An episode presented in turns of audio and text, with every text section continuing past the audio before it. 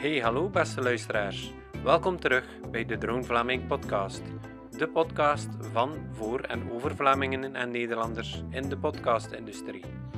Alles wat je denkt te willen weten in verband met drones en het gebruik ervan, maar in tegenstelling tot de meeste andere podcasts over drones in het Nederlands.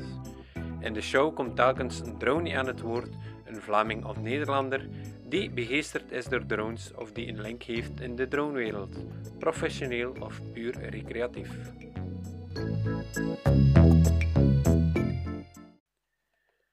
Hallo iedereen, welkom terug. Het oorspronkelijke idee van mijn podcast is eigenlijk ontsproten bij het beluisteren van een andere podcast, namelijk de Drone Trainer podcast van Nobio Anderson.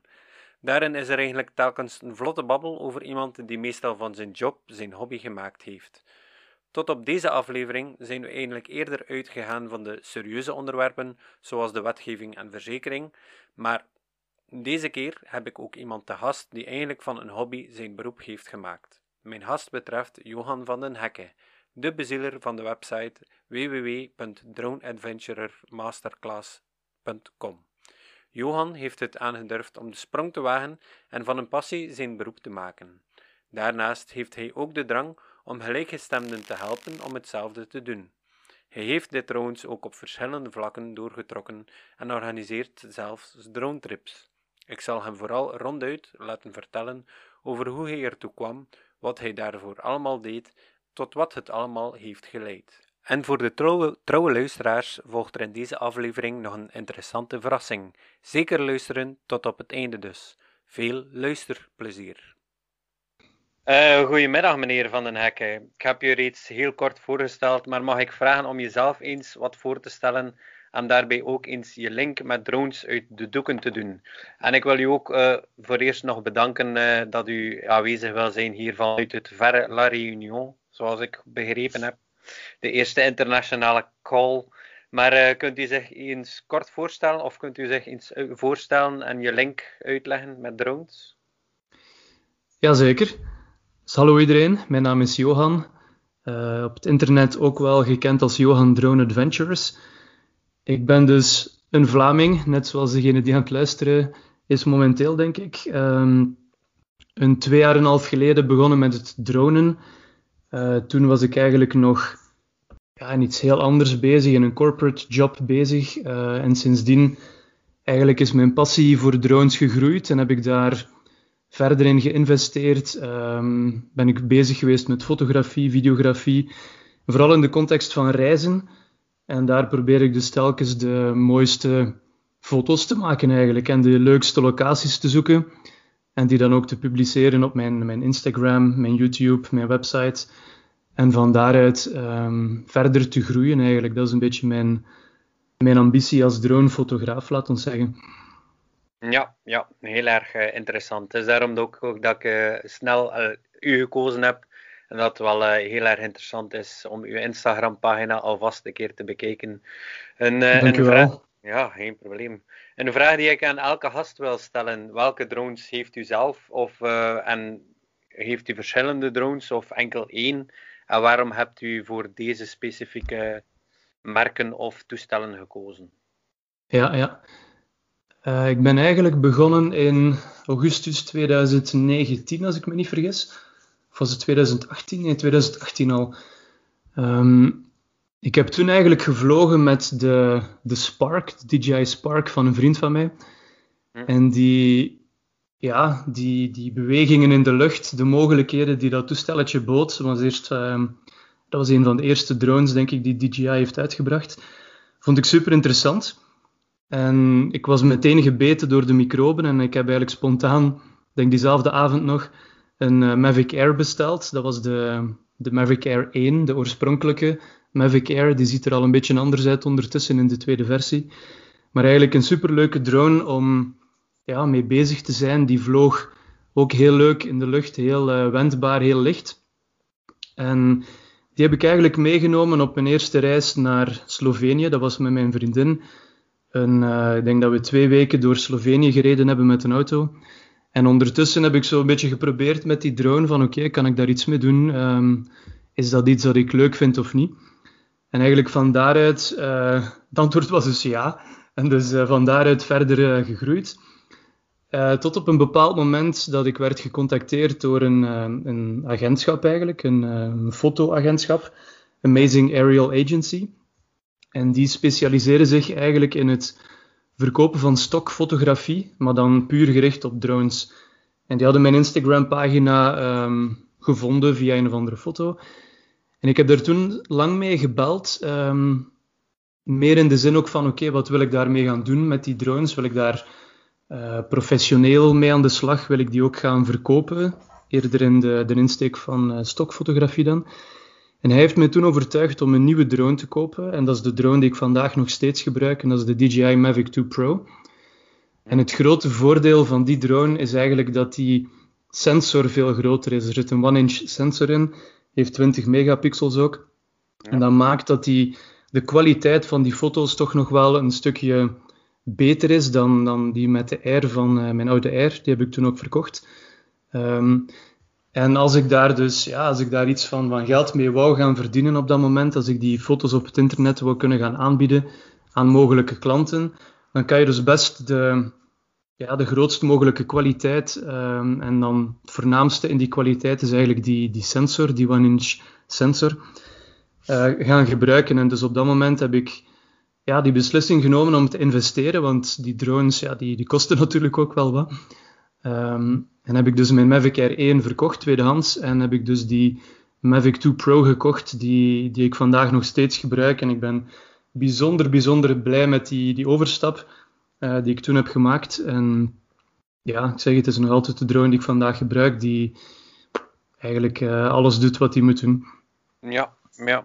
dat is uh, duidelijk te merken aan uw foto's ook. En mag ik zeggen, ik, ik bewonder u eigenlijk wel en ben eigenlijk ook wel jaloers op wat u de laatste jaren allemaal hebt beleefd en gedaan. Als ik kijk op je website en je Instagram-pagina, dan krijg ik ja, spontaan in feite de drang om een wereldreis te maken. Ja. Uh, op deze pagina staan er eigenlijk stuk voor stuk pareltjes van foto's gemaakt op de meest exotische en eigenlijk ja, geschefte plekken, om, te, om maar zo te zeggen. Het is mm -hmm. als het ware een grote promotie voor de wonderwereld om ons heen. Was u, was u daarvoor eigenlijk ook al met fotografie bezig, of is dat eigenlijk ontstaan door de drone? Of? Nee, eigenlijk totaal niet.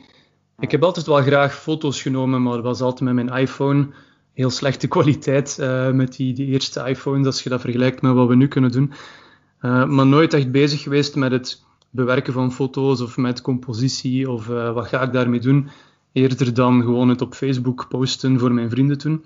Ja. Um, dus het, gegeven van die drones heeft eigenlijk echt wel met zich meegebracht dat ik ook met mijn fotografie moest bezig zijn. Dus uh, dat was een ganse wereld die ik moest gaan ontdekken ook. Van oké, hoe werken die, die settings precies? Hoe, hoe kan ik eigenlijk de beste foto's maken? Uh, hoe ga je die gaan nabewerken in, op de computer in Lightroom dan? Uh, wat kan ik daarmee gaan doen? Hoe moet je die exporteren? Hoe kan je portfolio bouwen?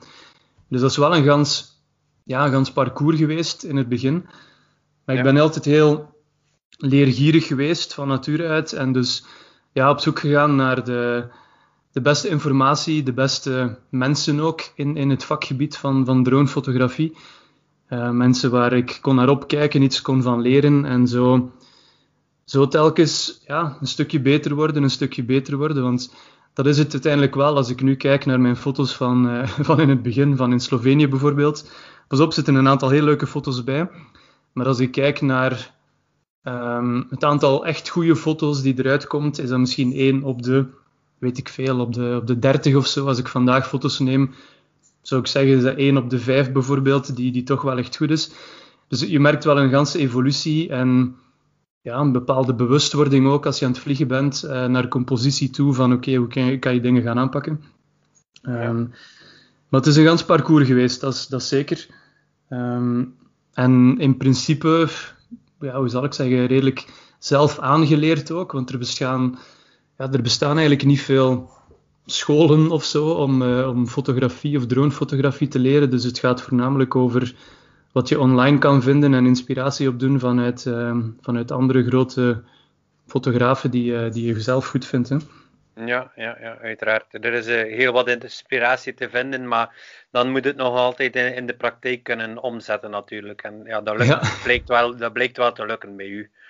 Um, en uh, ik heb, uh, als ik het goed voor heb, heeft u eigenlijk op een bepaald moment dan eigenlijk de stap gemaakt om daar uw job van te maken? Of is dat niet, niet juist? zie ik dat verkeerd? Um, toch wel, maar die stap gemaakt is niet in het verleden. Ik ben daar eigenlijk nog, nog altijd zeer actief mee bezig. Ja. En het laatste jaar met COVID heeft mij zeker ook niet echt geholpen, omdat ik toch een beetje richting die, die reisindustrie um, werk, laat ons zeggen. En die ligt natuurlijk volledig plat uh, nu en het laatste jaar. Dus het is niet zo evident geweest om die, die overstap te maken, maar ik ben er wel volop mee bezig. Um, in het begin was het niet, niet zozeer mijn bedoeling. In het begin was het eerder het idee van oké, we we zijn op een, op een wereldreis vertrokken en mijn idee was eerder van we gaan daar gewoon leuke foto's maken en die drone geeft dat een ander perspectief. Zorgt ervoor dat je daar eigenlijk met ja, een beetje een wat coolere foto's kunt, uh, kunt naar huis komen. En dat is dan al snel geëvolueerd in. Ik vind dat eigenlijk super leuk. En van ik ga daar iets meer mee proberen doen. En zoals ik daarnet ook zei, dat agentschap dat mij heeft gebeld, dat is toen voor mij wel een beetje een, een sleutelmoment geweest om, um, om erover na te denken en te zeggen van oké, kan ik hier echt professioneel mee aan de slag? Kan ik hier, of wil ik hier ook professioneel mee aan de slag? Wil ik dit als een nieuwe carrière zien of niet? Um, en, en ja, het antwoord was ja, maar het, het, het eigenlijke antwoord, de realiteit, is veel minder evident dan dat. Het is, een, um, ja, het is niet zo'n evidente industrie, laat ons zeggen. En je kan er wel je beroep van maken, daar ben ik van overtuigd. Um, maar laat ons zeggen, België is op dat vlak zeker niet zo vooruitstrevend geweest de laatste jaren qua drones in vergelijking met sommige andere landen. En als we rondom ons kijken, dan, uh, dan denk ik bijvoorbeeld aan Nederland. In Nederland is de drone scene eigenlijk veel, veel meer ontwikkeld dan, dan in België. Onze wetgeving leende zich daar ook niet echt toe. Um, sommige andere landen, zoals de, ik denk aan de States of in Dubai, zijn droneopdrachten ook heel courant. En als ik vandaag kijk naar, uh, ik heb nu het laatste jaar in België gezeten, droneopdrachten in België zijn, heel schaars en moeilijk te vinden. En dus van daaruit um, dat ik zeg, het is een soort work in progress um, om er eigenlijk een fulltime job van te maken. Maar ik heb heel veel projecten in, in mijn achterhoofd zitten en ik ben met een aantal al bezig. Uh, dus ik ben ervan overtuigd dat dat gaat lukken, maar het is een beetje kwestie de, de manier waarop dat je het wilt aanpakken. Voilà. Ja, ja, inderdaad. Het is uh, waarschijnlijk niet evident. Maar het is eigenlijk wel de bedoeling dat u, allez, zoals ik het verneem, eigenlijk blijft uh, reizen doen en zo. En dat blijft combineren. Of uh, bent u ook van plan om hier ja, eigenlijk in België aan de slag te gaan? Um, dat, is, dat sowieso een goede vraag. Ik heb daar niet. Het, het, er is geen eenduidig antwoord op. Ik denk, zolang ik kan reizen en daar iets mee kan doen, dan, dan wil ik dat voorlopig wel blijven doen. Er zal op een bepaald moment wel een, uh, ja, ergens iets uh, in, mijn leven ook gaan veranderen, waardoor ik iets meer vast op één bepaalde plaats moet, uh, moet blijven en reizen meer als een tussendoortje moet beginnen bekijken. Um, maar ik denk dat ik, ik zal het anders uitleggen, ik, ik denk dat er twee manieren zijn om met dronefotografie eigenlijk geld te verdienen. Ofwel ga je, laten we zeggen, een beetje klassieker, eerder in uh, de wat technischere kant. En ga je bijvoorbeeld inspecties doen, ga je uh, bijvoorbeeld in de immobiliënmarkt gaan fotograferen, ga je eigenlijk met je drone rondom jou een aantal opdrachten gaan proberen versieren. Um, ofwel probeer je, zoals ik, meer in de travel scene, het, de, de reisindustrie, ergens iets met je drone te gaan doen. En dat betekent dat je dus wel op die exotische locaties moet gaan om die foto's te kunnen gaan trekken, om ze daarna dan uh, te kunnen gaan verkopen. Dus het ene is een beetje gelinkt aan het andere. Uh, maar dat wil niet zeggen dat je in België niks kan doen. Ik denk dat je in België zeker ook je boterham kan verdienen met drones. Maar het is een, ja, het is een ander type van, van dronejob. Het is een, minder creatieve uh, kant van, van de fotografie. En, en ik wil toch heel duidelijk wel kiezen voor die creatievere kant. En ja, dat is in België iets, ja. um, iets moeilijker, denk ik. Ja, ja, maar als ik kijk naar uw foto's, dan denk ik inderdaad uh, dat u daar uh, wel uw voldoening in haalt om uh, ja, die mooie foto's en die mooie locaties op te zoeken. Hè. Mhm. Als je dat gewoon RS inspecties moet gaan doen, dan is het ja, een heel ander gegeven. Um, om, om dat vanuit die drones dan te doen natuurlijk. Maar um, uh, om terug te keren naar die Instagram-pagina en zo en al de foto's die u al gemaakt heeft, wat is voor u mhm. de mooiste dronefoto die u ooit genomen heeft? Als u mocht kiezen. Ja, dat is een, dat is een heel moeilijke vraag, omdat er bij zoveel foto's een, uh, een verhaal aan vasthangt. En het verhaal maakt dikwijls ook waarom een foto een, een mooiste foto is of niet. Ja. Um, een, ja, een, bepaalde foto die, die ik heel mooi vind, is een, uh, een top-down foto van de Tatacoa Desert in Colombia.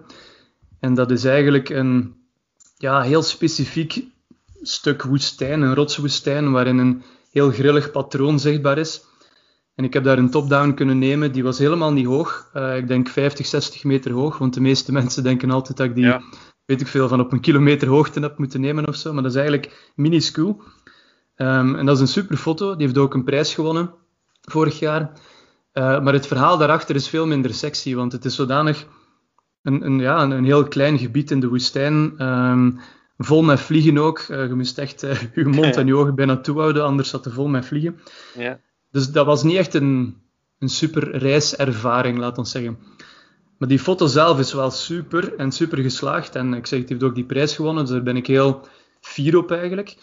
Um, maar als ik dan nadenk over wat dat voor mij persoonlijk, wat dat mijn hart um, zegt van kijk, dat is echt uw, favoriete foto, dan moet ik eerder gaan denken aan, aan twee andere foto's. En dat is eigenlijk waar dat het voor mij in mijn fotografie vaak op neerkomt. En dat gaat over uh, eilanden, vulkanische eilanden met, met water, met de oceaan rond daar, daar draai ik altijd terug rond. Ik vind dat uh, een heel mooie combinatie. Kan je heel mooie foto's mee maken. En dus die opportuniteit heb ik een aantal keren gehad. De eerste was in uh, Indonesië. Indonesië is eigenlijk een heel grote groep van eilanden, allemaal vulkanische eilanden. En binnen in Indonesië ligt het Komodo National Park. En binnen het National Park ligt eigenlijk het Padar-eiland. En Padar is een eiland dat heeft een magische vorm. heeft eigenlijk twee van die halve maanstranden langs weerskanten die die super mooi van kleur zijn. En ehm, ja, we zijn daar geweest. Superleuke ervaring. En dus vandaar heb ik, die, heb ik een foto kunnen nemen die, die voor mij een van mijn favoriete foto's ooit is. Is ook een van de eerste foto's die ik heb genomen met mijn nieuwe drone toen ik de Mavic 2 Pro had gekocht. Uh, en ik was meteen verbaasd door de, de, de, kwaliteit en de mogelijkheden die ik op dat moment ineens ter beschikking kreeg. En de tweede foto, daar een beetje aan, aan gelinkt, aan, aan dus die, dat vulkanische eilanden, waterzee, uh, is eigenlijk waar dat ik onlangs ben geweest en dat is op de Azoren. En de Azoren is toch wel een beetje een, um, ja, een, een, moet je dat zeggen, een verliefdheid of een liefde op het eerste zicht. Uh, het zijn prachtig mooie eilanden, ben ik in november voor de eerste keer geweest. En daar is naast São Miguel, het hoofdeiland, een klein eilandje met eigenlijk een soort ja, um, zwembadje er binnenin. En dus die heb ik ook als top-down kunnen nemen. En dat is, een, ja, dat is een fantastische foto.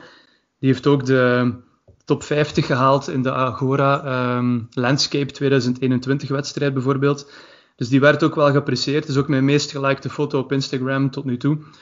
Dus dat is een foto die, ja, die ik super cool vind, die ook echt uniek is, want zoiets vind je niet, vind je niet zomaar ergens. Dus um, ja, dat zijn zo twee foto's die voor mij echt uh, favorieten zijn, die ook een beetje mijn stijl echt benadrukken, zijnde dat kleurrijke, veel blauw van de oceaan, van het water, hoogteverschillen die je natuurlijk gemakkelijk vindt op vulkanische eilanden en dan bepaalde uh, formaties die je daarin kan zien of kan, kan gaan trekken. Dus uh, ja, ja, dat zijn ze denk ik.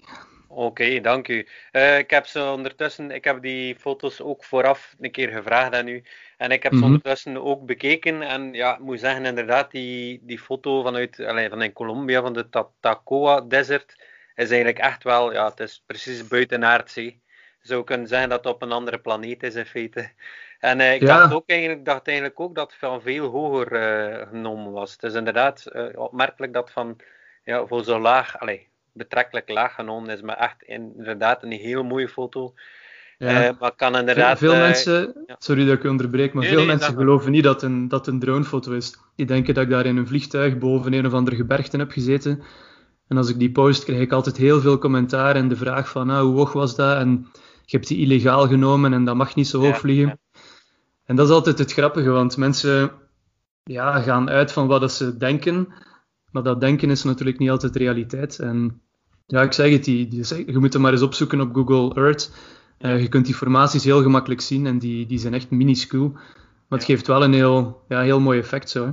Ja, ja, heel, heel mooi. En voor de luisteraars, ik ga ook uh, um, op de op de comments van de podcast van deze aflevering um, ook een link zetten waarop dat die foto's dan te zien zullen zijn. Dat maakt het wat makkelijker, maar ik nodig u zeker en vast ook een keer uit om uh, naar de Instagram pagina van uh, de Drone Adventurer te gaan. Het is, het is, meer dan de moeite. En die andere twee foto's waarvan u sprak in Indonesië en Portugal, ja, ik moet zeggen dat dat eigenlijk ja, ook heel erg mooie en exotische foto's zijn.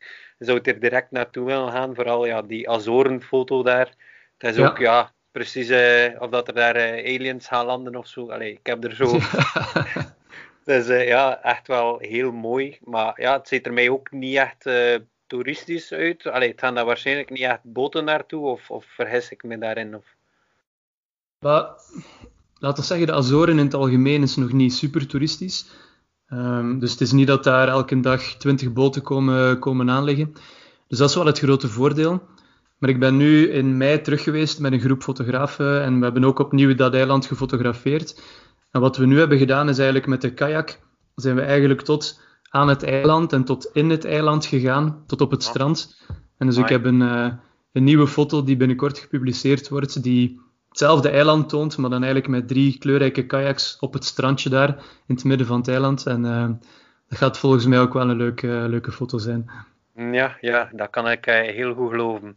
En welke locaties in de wereld zou u ja, eigenlijk het meeste van degene dat u nu al gedaan hebt, u hebt al ja, een stuk wereldreis gedaan en zo, wat zou u mhm. het, meest, het meeste aanraden voor de luisteraars om, ja, mochten ze de, de mogelijkheid hebben om, om te doen? Welke zou u aanraden? Goh, ik denk dat dat heel persoonlijk is. Ja. Enerzijds wil ik zeggen van, bon, in België zijn ook veel dronefoto's te nemen, maar je moet gewoon een beetje op zoek gaan naar de juiste patronen en de juiste uh, omgeving om, om daar iets leuk van te maken. Nu, op een bepaald moment ja, heb je België gezien en moet je ook buiten België gaan kijken, maar dan hangt het voor mij heel hard af van, van je persoonlijke stijl. Dus bij mij bijvoorbeeld, zoals ik daarnet zei, ik hou heel hard van die combinatie tussen dat vulkanische en het water. Dus ik ga altijd denk op de, meer dan de helft van mijn foto's ga je waarschijnlijk water zien. Um, dus ik ga altijd op zoek naar locaties die, die zoiets ook bieden. Ben jij iemand die, weet ik veel, dat, dat minder interessant vindt, dan kan je ook altijd naar de bergen gaan. In uh, Zwitserland, Oostenrijk uh, zijn ook fantastische foto's te nemen bijvoorbeeld, maar daar ga je die combinatie met dat water niet vinden. Als je zegt, oké, ik wil echt exotisch gaan, dan, ja, dan kan ik altijd, altijd opnieuw Indonesië aanraden. Indonesië is zo divers tussen de verschillende eilanden en is ook zoveel te zien. Uh, eens je daar bent, is het ook helemaal niet meer zo duur om, om daar dingen te doen. En een van de grote ontdekkingen eigenlijk van onze wereldreis was toch wel Colombia. Je hoort daar vaak uh, heel negatieve berichten over omwille van, uh, van de drugs en de maffia die, daar, die daar zat of eigenlijk nog altijd zit. Maar het is wel een heel mooi en open land. De mensen zijn ook heel aangenaam in Colombia. Dus het, en heel divers ook. Je hebt daar, laten we zeggen, de, de tropische stranden met de palmbomen tot aan die, die woestijn die ik heb getrokken, tot aan de ongelooflijk vele watervallen tot in de bergen. Dus je hebt ook een enorme diversiteit aan, aan foto's of aan uh, locaties die je daar zou kunnen gaan bezoeken. En het is ook helemaal niet, niet duur, dus dat is ook weer een groot voordeel. Maar als je wat dichter bij huis wil blijven, als je zegt van oei nee, ik, uh, ik wil binnen Europa blijven, dan, dan zou ik zeggen absoluut de Azoren. Het ligt in het midden van de oceaan, maar het is wel een deel van Portugal. En dus dat maakt dat het Europa is en eigenlijk heel toegankelijk is. Uh, ook helemaal niet duur. Dus uh, dat, is echt, dat is voor mij echt wel drone paradise moment eigenlijk. Ik heb nog niet veel gezien dat, ja, dat daar echt aan kan tippen eigenlijk. Ja, ja. Ja, dat zijn uh, heel goede tips. En uh, terwijl dat ik eraan denk, bent u nu ook in La Réunion om, mm -hmm. foto's, allez, om foto's te nemen? Of is dat niet echt daarvoor? dat was niet de oorspronkelijke insteek. Ik ben naar hier gekomen omwille van, van mijn vriendin. die heeft hier een project lopen. Um, Maar het is ook een vulkanisch eiland, dus dat is natuurlijk voor mij wel heel interessant. En ik ben hier uh, de komende maanden nog, dus ik ga zeker op zoek gaan naar die, die leuke drone-locaties hier. En ik ga proberen hier zoveel mogelijk foto's te maken, want dat is voor mij het, uh, het leuke aan, aan hier zitten, is het, het kunnen ontdekken van, uh, van die dingen. Het, het grote voordeel, of tweede grote voordeel vind ik ook dat, net zoals bij de Azoren, dat je je zit op een plek die eigenlijk nog qua dronefotografie nog wat onontgonnen is. En dat wil zeggen dat er dus nog veel mogelijkheden zijn om nieuwe dingen te gaan ontdekken, gaan shooten. En dus eigenlijk je stempel wel een beetje te gaan drukken op, uh, op een bepaalde locatie. En ik denk dat ik dat met de Azoren um, ook wel een stukje heb kunnen doen. Dus nu met La Réunion, wie weet, kan ik, dat, kan ik dat ook wel doen. Kan ik misschien ook echt wel unieke perspectieven gaan ontdekken die, die eigenlijk nog niet eerder door iemand zijn, uh, zijn genomen hier.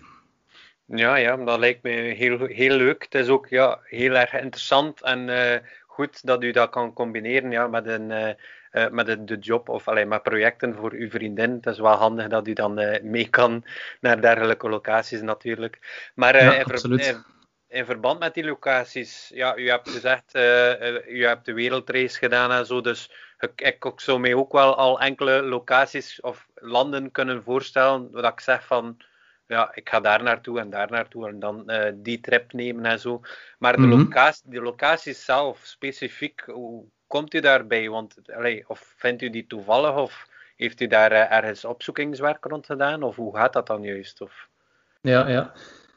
Uh, ik denk de grote misvatting is dat ehm, foto's zoals ik die trek of andere dronefotografen die trekken, dat die redelijk toevallig genomen worden. Dat is eigenlijk helemaal niet het geval.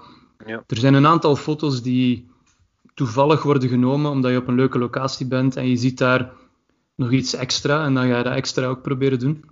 Maar de meeste foto's zijn eigenlijk het resultaat van, ja, van opzoekingswerk. Um, in de eerste plaats ga ik altijd kijken via, via Google Maps en dan eigenlijk zelfs nog eerder via Google Earth, omdat Google Earth uh, heeft twee voordelen.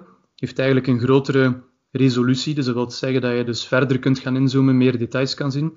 En heeft ook de optie om dingen in 3D te gaan bekijken.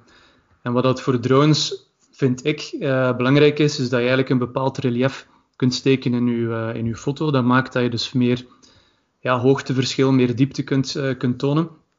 En dus die hoogteverschillen kan je heel gemakkelijk zien met die 3D-tool van Google Earth. En dus wat ik eigenlijk gedaan heb met bijvoorbeeld de Azoren, want ik kende daar helemaal niks. Dus ik heb gewoon gans het eiland, al het zijn negen eilanden, maar dus de eilanden die we hebben gedaan, in de eerste plaats São Miguel. Dus São Miguel heb ik eigenlijk ingetoetst in uh, Google Earth, 3D-modus opgezet en ik ben eigenlijk gans dat eiland beginnen afspeuren. Ik ga niet zeggen centimeter per centimeter, maar toch zo kilometer per kilometer. Um, om eigenlijk leuke, leuke plekken te gaan ontdekken en te denken van oké, kan ik hier iets mee doen? Is dat een leuk perspectief? Heb ik daar genoeg layers, ook lagen, om eigenlijk een, eh, een leuk perspectief, een leuke compositie van te maken. En zo ontdek je wel veel dingen. En dat is ook wat ik een beetje bedoel met. Uh, ik zit nu hier.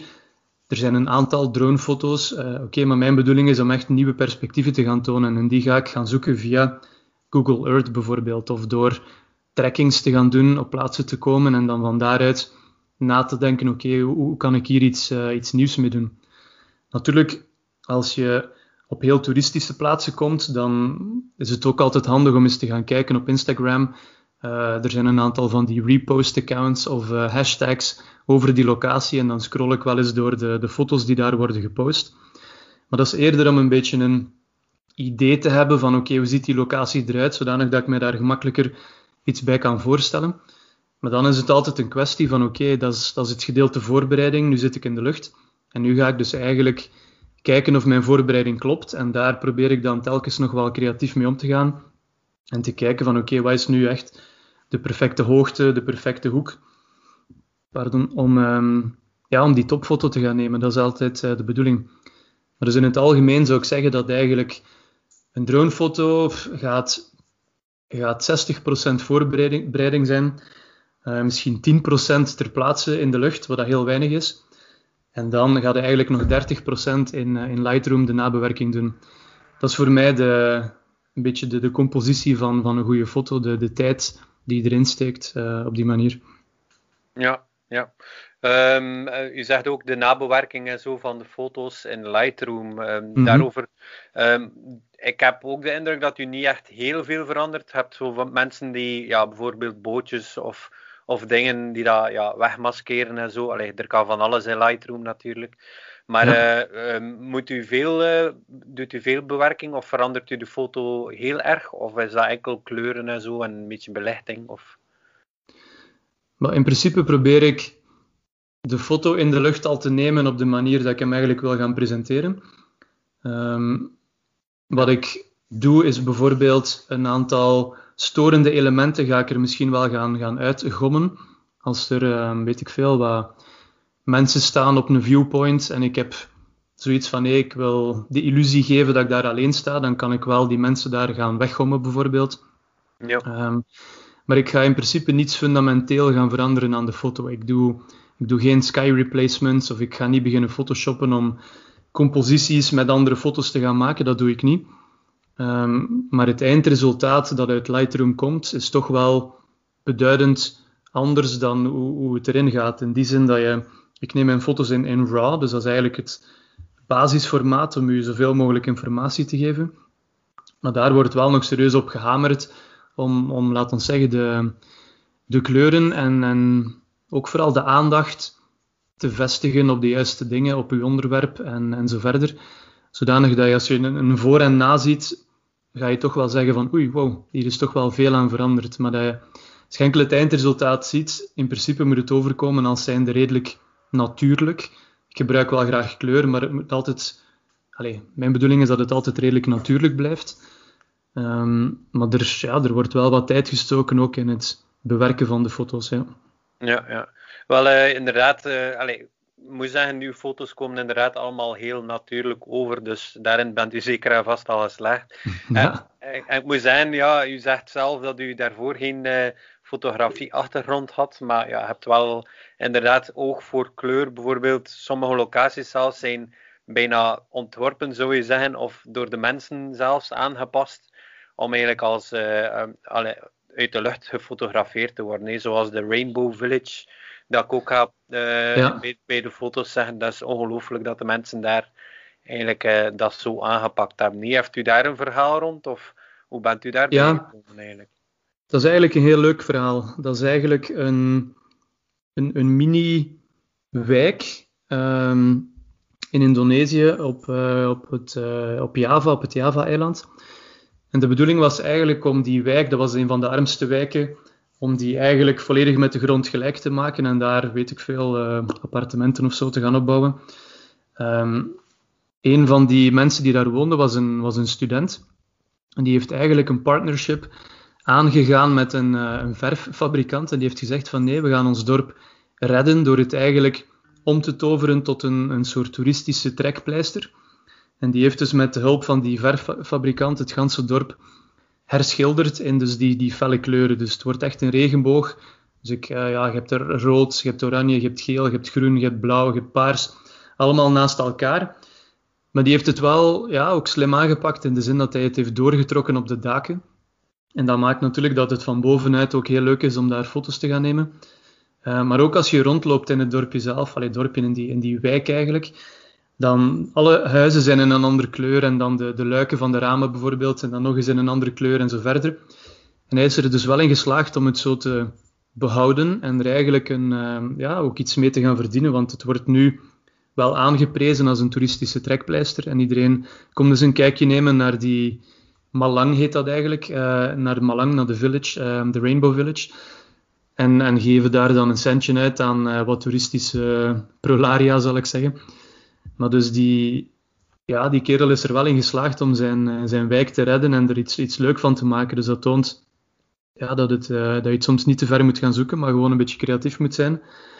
En effectief uh, geeft ook een heel, heel leuke dronefoto zo. Hè. Ja, inderdaad, inderdaad. En die, die daken bijvoorbeeld, is dat ook te zien als u naast de week staat? Ligt die week een beetje dieper of zo? Of, of is dat enkel vanuit eigenlijk de lucht te zien? Um, je kunt het een beetje zien. In principe ligt dus die, ja, er ligt een rivier tussen de twee uh, kanten. En die rivier ligt een pak lager. Dus de huizen gaan eigenlijk omlaag richting de rivier. Dus je kunt op een gegeven moment wel zien dat ook de daken zijn meegekleurd. Uh, maar het, ja, het perspectief, zoals de, de foto die, die ik jou heb doorgestuurd, kan je natuurlijk niet zien van, vanuit de huizen zelf.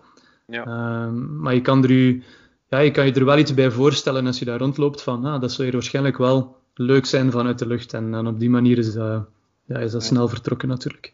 Mm, ja, inderdaad. Uh, en ik zag ook nog een foto van een roze meer of een roze stuk zee. Was dat in Australië, geloof ik? Of heb ik dat ja, verkeerd? Ja. Dat is ook puur, puur natuur eigenlijk. Of hoe komt dat? dat uh... Ja, dat is iets heel speciaals. En die, die vind je. hoeveel zijn er? Een stuk of vijf, zes zijn er in, in Australië. Dat zijn de Pink Lakes, de roze meren. Uh, maar die bestaan ook in andere landen nog. Dat zijn eigenlijk meren die um, heel zout zijn en een, bepaald, uh, bepaalde algen die, die groeien daar eigenlijk in. En die geven een, een kleur af aan dat water. En dus die kleuren eigenlijk het water um, zo, zo, zo razen. Nu, je moet wel weten, dat hangt een beetje af van op welk moment dat je daar bent. Als het veel geregend heeft, dan zit er veel water in die meren, dan wordt die roze kleur een beetje verwaterd eigenlijk. Als het wat droger is, dan, dan merk je die kleur wel wat feller. En vanuit de lucht um, komt dat ruizen eigenlijk nog veel meer tot zijn recht. Als je ernaast staat, dan krijg je zo'n beetje een, een tint eigenlijk in het water. Maar als je die van boven trekt, dan zie je echt wel van oké, dit is bijna, bijna fluo. Uh, want zo is het ook effectief in, uh, in realiteit. Um, maar dat is een natuurlijk fenomeen. En in sommige van die meren worden ook aan uh, zoutwinning gedaan, bijvoorbeeld. Dus ik heb ook andere foto's waar je dan ja, echt een, een soort straatje ziet door het meer, waar dat die camions dan overrijden om eigenlijk het zout uit die meren te gaan halen. Maar het is een, ja, het is een heel dankbaar uh, natuurlijk fenomeen met de drone natuurlijk, want dat, is wel, ja, dat geeft wel iets, uh, iets kei speciaals als je daar van bovenuit kunt trekken natuurlijk. Ja, dat is inderdaad uh, een heel apart beeld eigenlijk. Mm um, u sprak daarnet al uh, over, um, ik heb ook al in de intro gezegd dat u eigenlijk uh, de missie hebt eigenlijk om zoveel mogelijk gelijkgestemden, ja, mensen die ook zoiets willen doen, om, om die te laten meedelen in uw kennis die u in de mhm. loop van de voorbije jaren hebt opgebouwd. Kunt u daar iets meer over vertellen, over wat dat de, de plannen daaromtrent zijn? Ja, um, wat ik in, in het begin ook zei is, ja, toen ik ben begonnen was er weinig materiaal voorhanden, behalve dan een aantal YouTube-video's en een aantal mensen op Instagram die ik heb gecontacteerd om mij een aantal tips te geven, laat ons zeggen. Maar de rest is voornamelijk trial en error geweest en, uh, en toch maar verder proberen en nog eens een YouTube-video bekijken en zo verder. Maar het is eigenlijk een heel lang proces om, om te geraken tot ja, waar ik nu eigenlijk ben. Um, en dus eigenlijk mijn bedoeling was door het aanbieden van een aantal tools om mensen ook te gaan helpen om, um, om die stappen eigenlijk sneller te zetten. Dus in de eerste plaats heb ik een aantal uh, e-books ontwikkeld. Ik heb een e-book dat gratis te downloaden is op mijn website, uh, met allemaal tips rond uh, dronefotografie. En dan een e-book die eigenlijk hetzelfde doet, allemaal tips rond Lightroom, rond de nabewerking van de foto's. En dus die, die stel ik eigenlijk gratis ter beschikking. Dat zijn ja, dat zijn puur de tips. Als je dan zegt van ja, maar ik wil toch wel iets dieper gaan en ik wil echt um, leren hoe het moet, dan heb ik vorig jaar ook mijn masterclass ontwikkeld. En dat is de Drone Adventurer Masterclass. Uh, en daarin leg ik eigenlijk uit in drie modules van oké, hoe moet je die foto gaan nemen, waar moet je op letten, hoe ga je die gaan nabewerken en hoe kan je er uiteindelijk ook wat geld mee gaan verdienen. En dat is de, ja, de filosofie die, die ik een beetje wil meegeven, is hoe, hoe andere mensen dit ook kunnen gaan doen. Want als je kijkt in België, is, is dronen echt nog onderontwikkeld. Ik denk dat er vandaag een beetje een markt aan het ontstaan is die, laten we zeggen, een amateurmarkt is. Aangezien dat de wetgeving wat soepeler is geworden. En ik ben grote voorstander van de nieuwe wetgeving. Ehm, en die grotere of groter wordende groep van amateurs, daar zitten een aantal mensen bij die daar waarschijnlijk iets meer mee willen doen. En als je daar dus iets meer mee wil doen, dan kan je dus bij mij terecht via een aantal tools. En de derde tool die ik aanbied is eigenlijk ook een coaching call, waarbij we via Skype of via Zoom eigenlijk uh, het probleem dat jij wil gaan aanpakken ook gaan, gaan bespreken. En uh, kan ik je gewoon rechtstreeks ook de, de tips gaan geven. En dus als je die stappen hebt doorlopen, dan kom je eigenlijk ook terecht in onze privé Facebookgroep. En in die Facebookgroep um, ben ik dus eigenlijk altijd klaar om, om te antwoorden op de vragen en zo, en de medestudenten ook. Dus dat is eigenlijk wel een leuk ja, een leuke community aan het worden van, van gelijkgestemden, van uh, droners die bezig zijn met, met een fotografie. Het is niet enkel fotografie, het is ook videografie, maar dus die daarmee bezig zijn en die, die er iets meer mee willen doen. En er zitten een aantal Belgen bij, een aantal uh, Nederlanders ook, maar ook van, vanuit andere landen over de wereld. Um, maar het idee is, is effectief om een beetje een, een basis te bieden van oké, wat zijn de principes die je moet gaan toepassen voor dronefotografie, want dat is toch niet hetzelfde als bij gewone fotografie. En ja, uh, ja, op die manier wil ik die mensen iets, uh, iets bijleren. En het, het leuke is dat ik vandaag ook voor, uh, voor de luisteraars van, van jou, Pascal, een, een kleine actie kan, kan aanbieden. Dus de mensen die, die geïnteresseerd zijn, mogen mij gerust contacteren en die krijgen 15% korting op de masterclass omdat ik op die manier de, de Vlamingen en misschien een paar Nederlanders die, die ook aan het luisteren zijn, toch een duwtje in de rug wil geven. Want ik, uh, ik denk dat zeker in ons land het, uh, het moeilijk is om, uh, om daar echt iets mee te doen. Dus als jullie de masterclass willen volgen, 15% korting willen genieten, contacteer me eventjes via mijn website of via Instagram, maakt niet uit. En dan zorg ik ervoor dat dat in orde komt. Amai, dankjewel. Dat is heel erg hul van u. En ik moet zeggen, ik heb inderdaad ook al uh, de masterclass uh, bekeken en uh, ja, twijfel heel sterk. En ik denk dat die 15, denk dat die 15% mij in ieder geval zeker over de streep zal halen. Ik heb ook okay. um, de e-books al een keer gedownload. Dat is ook heel erg mm -hmm. interessant. Dat is inderdaad interessant om dat al een keer te bekijken. En ik geloof als u daarvoor intekent dat er ook via mail een paar uh, mails komen uh, met tips en zo. Ik heb er ook al een aantal gekregen. Ja, klopt. Dat is ook wel uh, interessant. En ik, ik heb ook al gezien dat u eigenlijk ook de mensen een huiswerk meegeeft en dat dat dan ook in die Facebookgroep um, moet ja, gedownload of, of opgegeven worden. Wordt dat mm -hmm. goed opgevolgd? Want allee, ik denk wel dat dat voor mezelf bijvoorbeeld ja, een heel goede is om eigenlijk ja, aan de slag te gaan om toch feedback te krijgen, om te weten of, dat, ja, of dat je de ja. dingen goed, goed aanpakt. He, natuurlijk. Wordt dat goed opgevolgd, die huistaken? Wel, het, het idee rond het huiswerk is heel simpel. Um, de bedoeling is dat je een aantal principes onder de knie krijgt, vooraleer dat je verder gaat in de masterclass. En op die momenten geef ik eigenlijk huiswerk. En dat betekent dat ik u zeg van kijk, nu, nu gaat het met uw drone bij u ergens in de buurt dit soort type foto's maken of met die instellingen dit gaan doen um, om dus eigenlijk je huiswerk te gaan vervolledigen.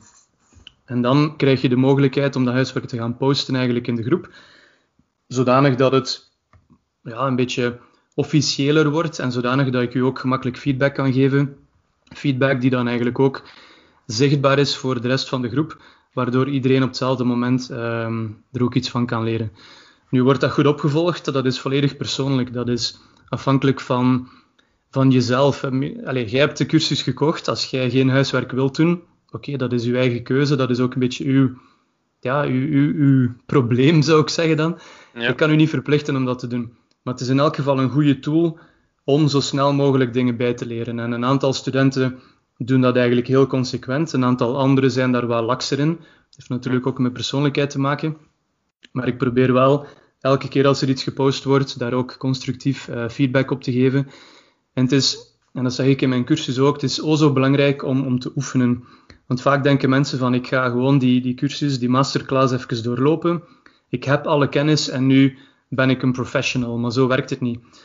Heel veel heeft te maken met, met inzichten en met uh, automatismes en met, uh, ja, en, en hoe zal ik het zeggen? Dat is een beetje zoals met autorijden. Hè? Het is niet omdat je snapt hoe dat een auto werkt, dat je er meteen ook een vlotte chauffeur bent. Het gaat over je op je gemak voelen achter het stuur en op de juiste momenten de juiste reflexen te hebben. En dat is met de drone eigenlijk net hetzelfde. Dus het huiswerk dient ook daarvoor om een aantal van die um, barrières en een stukje van die stress ook weg te nemen. Want vaak heeft het ook met durf te maken. Mensen durven soms ook gewoon niet, uh, niet vliegen. En dus eens je daar uh, voorbij bent, gaat het over een aantal basisprincipes die je toch wel je eigen moet maken. En ja, het grote de grote tekortkoming of het de grote beperking eigenlijk van een drone is eigenlijk de, de tijd in de lucht. Dus je batterij bepaalt dat je maar 20, misschien maximum 25 minuten in de lucht kunt vliegen. En dat is heel beperkt. En dus moet je proberen om die 25 minuten zo maximaal mogelijk te gaan besteden. En dus hoe meer dat je kan gaan voorbereiden, hoe meer dat er ook als automatisme wordt ingebouwd, hoe gemakkelijker het wordt om eigenlijk in de lucht op je gemak te gaan rondkijken en die juiste composities te gaan zoeken. En dus daarvoor ja, is het zo belangrijk om te oefenen en daarvoor heb ik dus ook dat huiswerk ertussen gestoken om, uh, om, om dat eigenlijk te kunnen gaan doen. Ja, ja. ja ik denk inderdaad, wel dat dat een meerwaarde is voor, allez, voor mezelf spreken. En dan denk ik dat ik daar wel uh, heel veel aan zou hebben. Maar het is dus niet zo. Um, ik heb ook al in het, in het verleden een keer een uh, van BIS begeleid individueel studeren, een cursus Italiaans gedaan. En daar, was, daar was het zo als je je huiswerk niet maakte, kreeg je de volgende de volgende stap niet in principe. Dus ja, dat is, uh, maar dat is niet het geval. Nee, zo, zo streng ben ik niet, omdat ja. het ja, je bent natuurlijk zelf verantwoordelijk voor je eigen progress. Hè. Als jij beslist om dat niet te doen, ja, wie ben ik om dan te zeggen dat jij dat moet doen? Jij, ja. jij koopt een service van mij. Het is aan u om te kijken hoe dat je die service wilt, wilt gaan uitvoeren. Hè. Ja, ja, ja oké. Okay.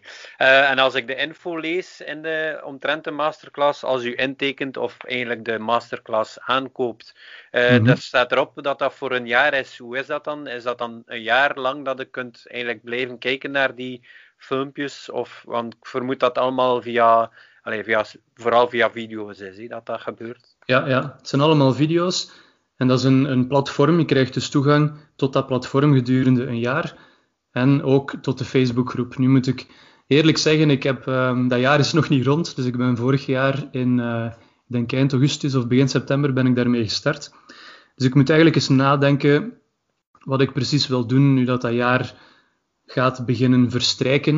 Het is niet mijn bedoeling om iedereen meteen gewoon buiten te shotten. Ik ga ergens een, uh, weet ik veel, een, uh, een iets moeten vinden daartussen, waardoor dat iedereen wel student kan blijven maar dat je wel niet ongelimiteerd uh, tot in de eeuwigheid uh, ja. eigenlijk toegang hebt tot de video's. Dat is eigenlijk het belangrijkste. Toegang tot het platform. En dat is ook, laten we zeggen, in die code ingebouwd. Krijg je voor een jaar. Uh, en dan, ik ga ervan uit dat je op dat jaar tijd genoeg tijd hebt om dus die, die lessen te volgen, het huiswerk te doen, nog eens terug te komen kijken. Want dan merk ik wel dat een aantal studenten toch een aantal video's twee, drie keer, vier keer, vijf keer opnieuw bekijkt. Vooral de Lightroom-video's.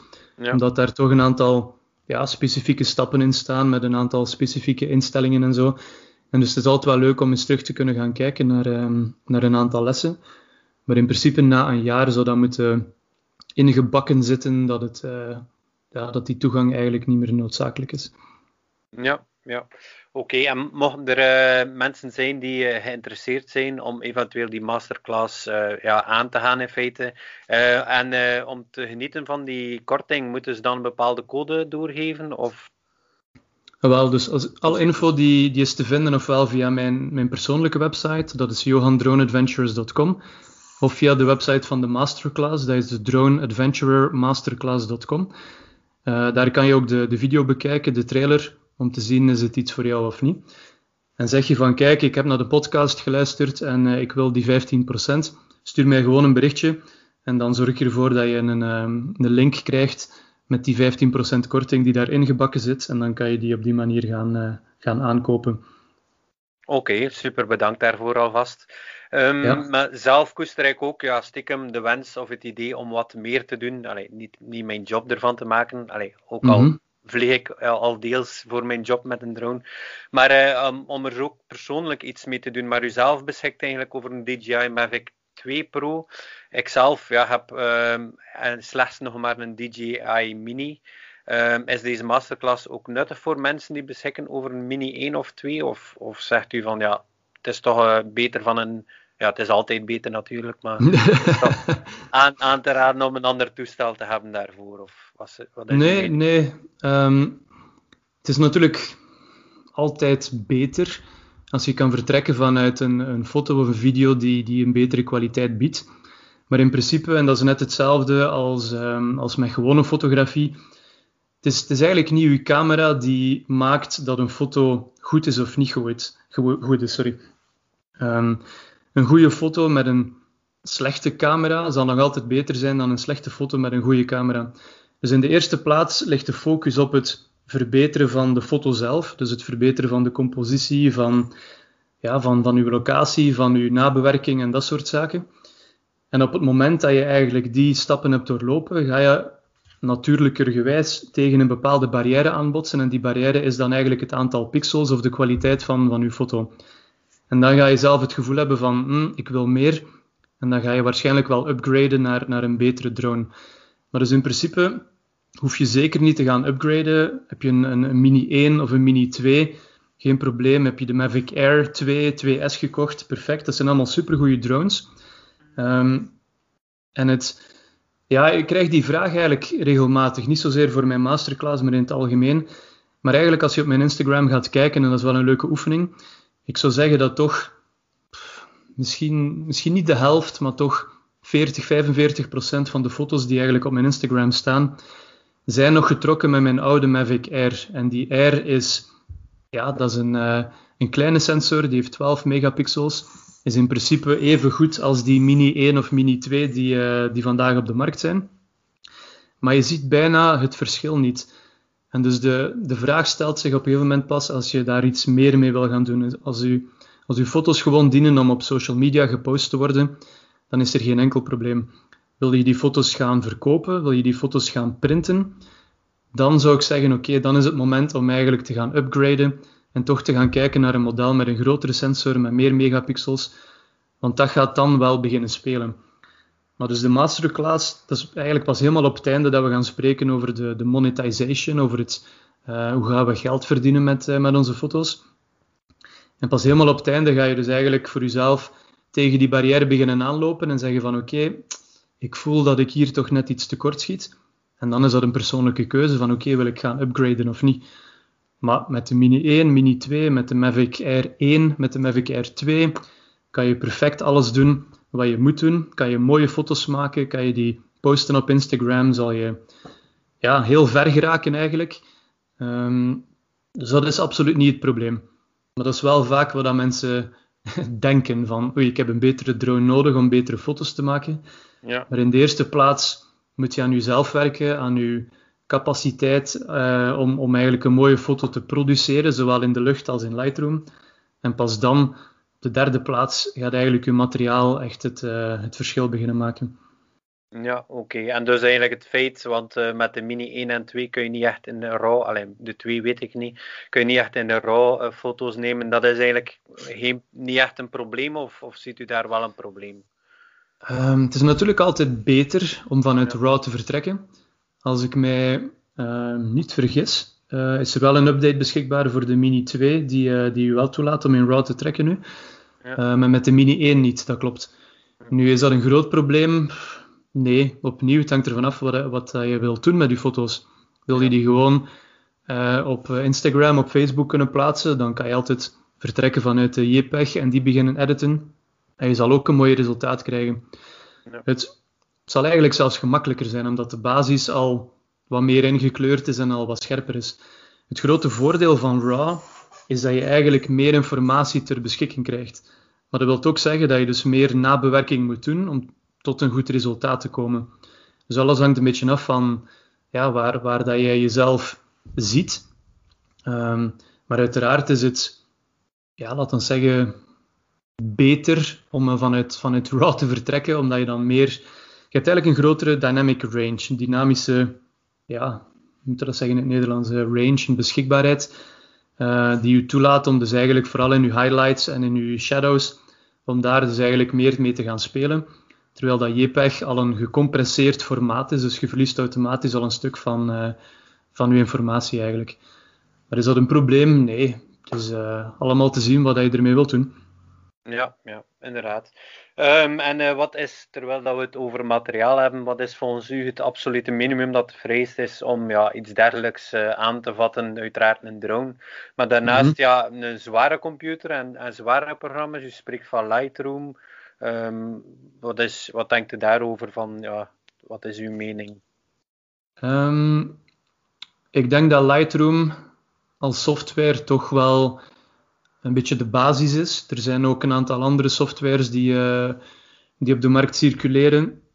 Um, maar ik denk dat Lightroom vandaag toch nog veruit de meeste mogelijkheden biedt. Dus ik zou zeggen, een, een een gewone computer met Lightroom is in principe voldoende om aan fotobewerking te doen. Het is eigenlijk pas als je aan videobewerking begint, dat je computer ook echt wel wat, wat zwaarder, wat sneller moet, uh, moet zijn. En zeker als je begint te filmen in 4K, wat dat de meeste drones vandaag toch, uh, toch aanbieden, ja. ga je merken dat je met een, een standaard computer eigenlijk snel in de problemen komt. Dus daar ga je moeten kijken naar een, een snellere processor met wat meer RAM, met een uh, eh, SSD-harde schijf die erin zit om uh, snel weg te schrijven. En dat maakt dat je dan eigenlijk gemakkelijker gaat werken in een programma zoals Premiere Pro, uh, die dan specifiek gemaakt is voor de videobewerking. Er zijn altijd omwegen ook met proxies en zo bijvoorbeeld. Dus als je geen snelle computer hebt, is het zeker niet onmogelijk om het te doen. Uh, maar natuurlijk is het wel, ja, het is iets gemakkelijker. Hè? Het is zoals met een, uh, met een klein Clio'tje een berg proberen oprijden, dat gaat ook. Maar als je die met een BMW naar boven kunt rijden, ga je toch iets vlotter uh, daar geraken. Dus dat is, een beetje, dat is een beetje de vergelijking die je daar ook kunt maken. Ja, inderdaad. En um, welke accessoires zijn naar uw eigen mening eigenlijk onontbeerlijk voor elke drone-enthousiast? Er zijn ja, de rest ja. van alles, filters, landingspads, ik zeg maar iets. Uh, wat, dat, wat denkt u daarover, over uh, de accessoires die iedereen zou moeten hebben? Het enige accessoire dat iedereen nodig heeft die met fotografie, videografie bezig is, zijn, zijn de gepolariseerde ND-filters. En die bestaan ook voor de Mini. Uh, de populairste zijn, zijn die van uh, Polar Pro, maar ook Freewell heeft een aantal goede filters die bijvoorbeeld voor de Mavic Air 2S uitgekomen zijn, ook voor de Mini uitgekomen zijn. Het, het voordeel van een gepolariseerde filter is dat je eigenlijk een stuk van het reflecterende licht kunt gaan wegfilteren. En dat maakt dat je dus meer kleur in je foto kunt steken. Omdat die dus niet wordt, um, wordt weg, weggekaatst eigenlijk door het zonlicht. Dus dat is eigenlijk het grote, grote voordeel van een gepolariseerde filter. Vaak wordt er gesproken over ah, de reflectie op water. Ja, dat klopt. Je gaat beter door water kunnen zien, maar ook als er geen water is, is eigenlijk een gepolariseerde filter heel interessant, omdat alles reflecteert. Een, een muur, gras, een boom, gelijk wat, reflecteert zonlicht. En als je dat er een stukje kunt uitfilteren, ga je dus meer details gaan zien, ga je scherpere foto's kunnen trekken en ga je dus meer kleur hebben, meer pop in je foto. Um, het tweede luik, dus je hebt een gepolariseerde ND-filter, het ND-gedeelte, is neutral density, gaat eigenlijk over het donkerder maken van, van het, het beeld dat binnenkomt. Een stukje wat ze zeggen de zonnebril voor, u, voor uw drone. En dat gedeelte is in principe niet, niet strikt noodzakelijk voor fotografie, is enkel belangrijk voor videografie. Omdat je daar wilt werken met een, een vaste shutter speed. En om die vast te kunnen zetten, moet je dus eigenlijk gaan compenseren met een ND-filter. Maar dus eigenlijk als je één iets wilt kopen, dan zou ik zeggen, koopt u een setje van gepolariseerde ND-filters. Degene die ik aanraad zijn eigenlijk de, is de Vivid Collection van Polar Pro. Is Polar Pro niet beschikbaar voor uw drone, dan kan je altijd gaan kijken bij Freewell. Freewell heeft ook heel goede filters daarvoor. En uh, ja, alleen al dat gebruiken gaat, gaat al een serieus verschil maken. Ja, oké, okay, dat is een heel goede tip. Uh, ja, wat ik dus al de rest eigenlijk van, van landing pads of uh, andere hebben dingetjes zijn, zijn absoluut irrelevant. Uh, naar mijn mening dan toch. Ja. En, en heb je helemaal niet nodig. Zeker niet als je een beetje wilt reizen ook. Dan moet je gaan kijken van oké, past het allemaal in mijn rugzak? Dus hoe minder dat je moet meenemen, hoe beter. Ik zou zeggen, ja, ik zou zeggen drie batterijen is eigenlijk een beetje het minimum wat je nodig hebt. En dan die ND-filters gepolariseerd.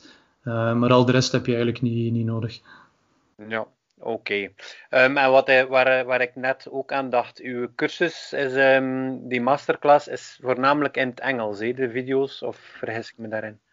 Nee, klopt. Die is opgenomen in het Engels. Er zijn ook ondertitelingen beschikbaar in het Engels ah, voor mensen die niet super vlot zijn uh, in het Engels. Uh, je kan altijd even op pauze zetten, terugkeren van oké, heb ik het hier wel goed begrepen?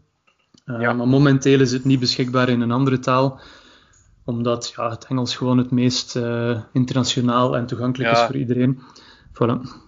Tuurlijk, tuurlijk, tuurlijk. Um, maar ik zelf ben bijvoorbeeld ja, een beetje gesetteld en kindjes en zo. Ik kan niet, uh, niet zoals u gaan reizen en grote avonturen of uh, die exotische locaties gaan bezoeken. Zou je zeggen, uh, is deze masterclass dan wel iets voor mij? Of allee, kan dat ook ja, hier in de buurt? Ik veronderstel van wel, aangezien dat u het huiswerk ook zegt van, kijk, ga in de buurt uw huiswerk ja, doen. Absoluut, absoluut. Er zijn twee elementen. Het eerste haal je zelf al een beetje aan van je kan ook in de buurt leuke foto's gaan nemen. Hm. Ik zou iedereen aanraden om gewoon al eens via Google Earth zet die 3D eventjes aan en ga al eens kijken rondom u in de buurt in België. België is niet zo groot. Um, zoek het een keer allemaal goed af. Er zijn heel leuke plekken in België ook om foto's te nemen. En foto's hoeven ja, ook niet elke foto hoeft uh, mega, mega wauw te zijn. Hè? Als je al gewoon opstaat uh, en de zonsopgang neemt uh, boven een veld met een paar bomen en je hebt de schaduwen van die bomen over dat veld bijvoorbeeld, kan al een heel toffe foto zijn. Gaat die foto prijzen winnen? Waarschijnlijk niet, maar dat hoeft ook niet per se. Hm. Dus dat, dat is heel leuk om, om foto's te nemen en te oefenen. En dan het ja, tweede luik, waarom heb ik het eigenlijk de Drone Adventurer Masterclass genoemd, is... Um, mijn definitie van een adventurer is eigenlijk dat die iets verder gaat dan, dan wat dat standaard is. Er zijn heel veel foto's die je op Instagram vindt en iedereen neemt altijd gewoon exact diezelfde foto van het, uit exact hetzelfde perspectief. En dat wordt eigenlijk een beetje saai. Dus die, die adventurer is eigenlijk iemand die, die meer op zoek gaat naar, naar unieke perspectieven, naar locaties die nog niet zozeer zijn um, gecommercialiseerd. En dat kan in België zijn, dat kan ook tijdens de, de zomervakantie zijn als je in het zuiden van Frankrijk zit of uh, in het noorden van Italië zit aan het Como-meer of gelijk wat. Elke locatie biedt mogelijkheden en dus je hoeft zeker niet permanent te reizen om, om leuke dingen te kunnen doen. Kan even goed zeggen, oké, okay, hebben bijvoorbeeld een, eh, een heel leuke trip gemaakt door, uh, we zijn in België vertrokken langs Nederland, Duitsland en dan zo Oostenrijk, Zwitserland, uh, terug naar Frankrijk, naar België. Dat is helemaal niet zo ver. Dat hebben we met een campervan gedaan.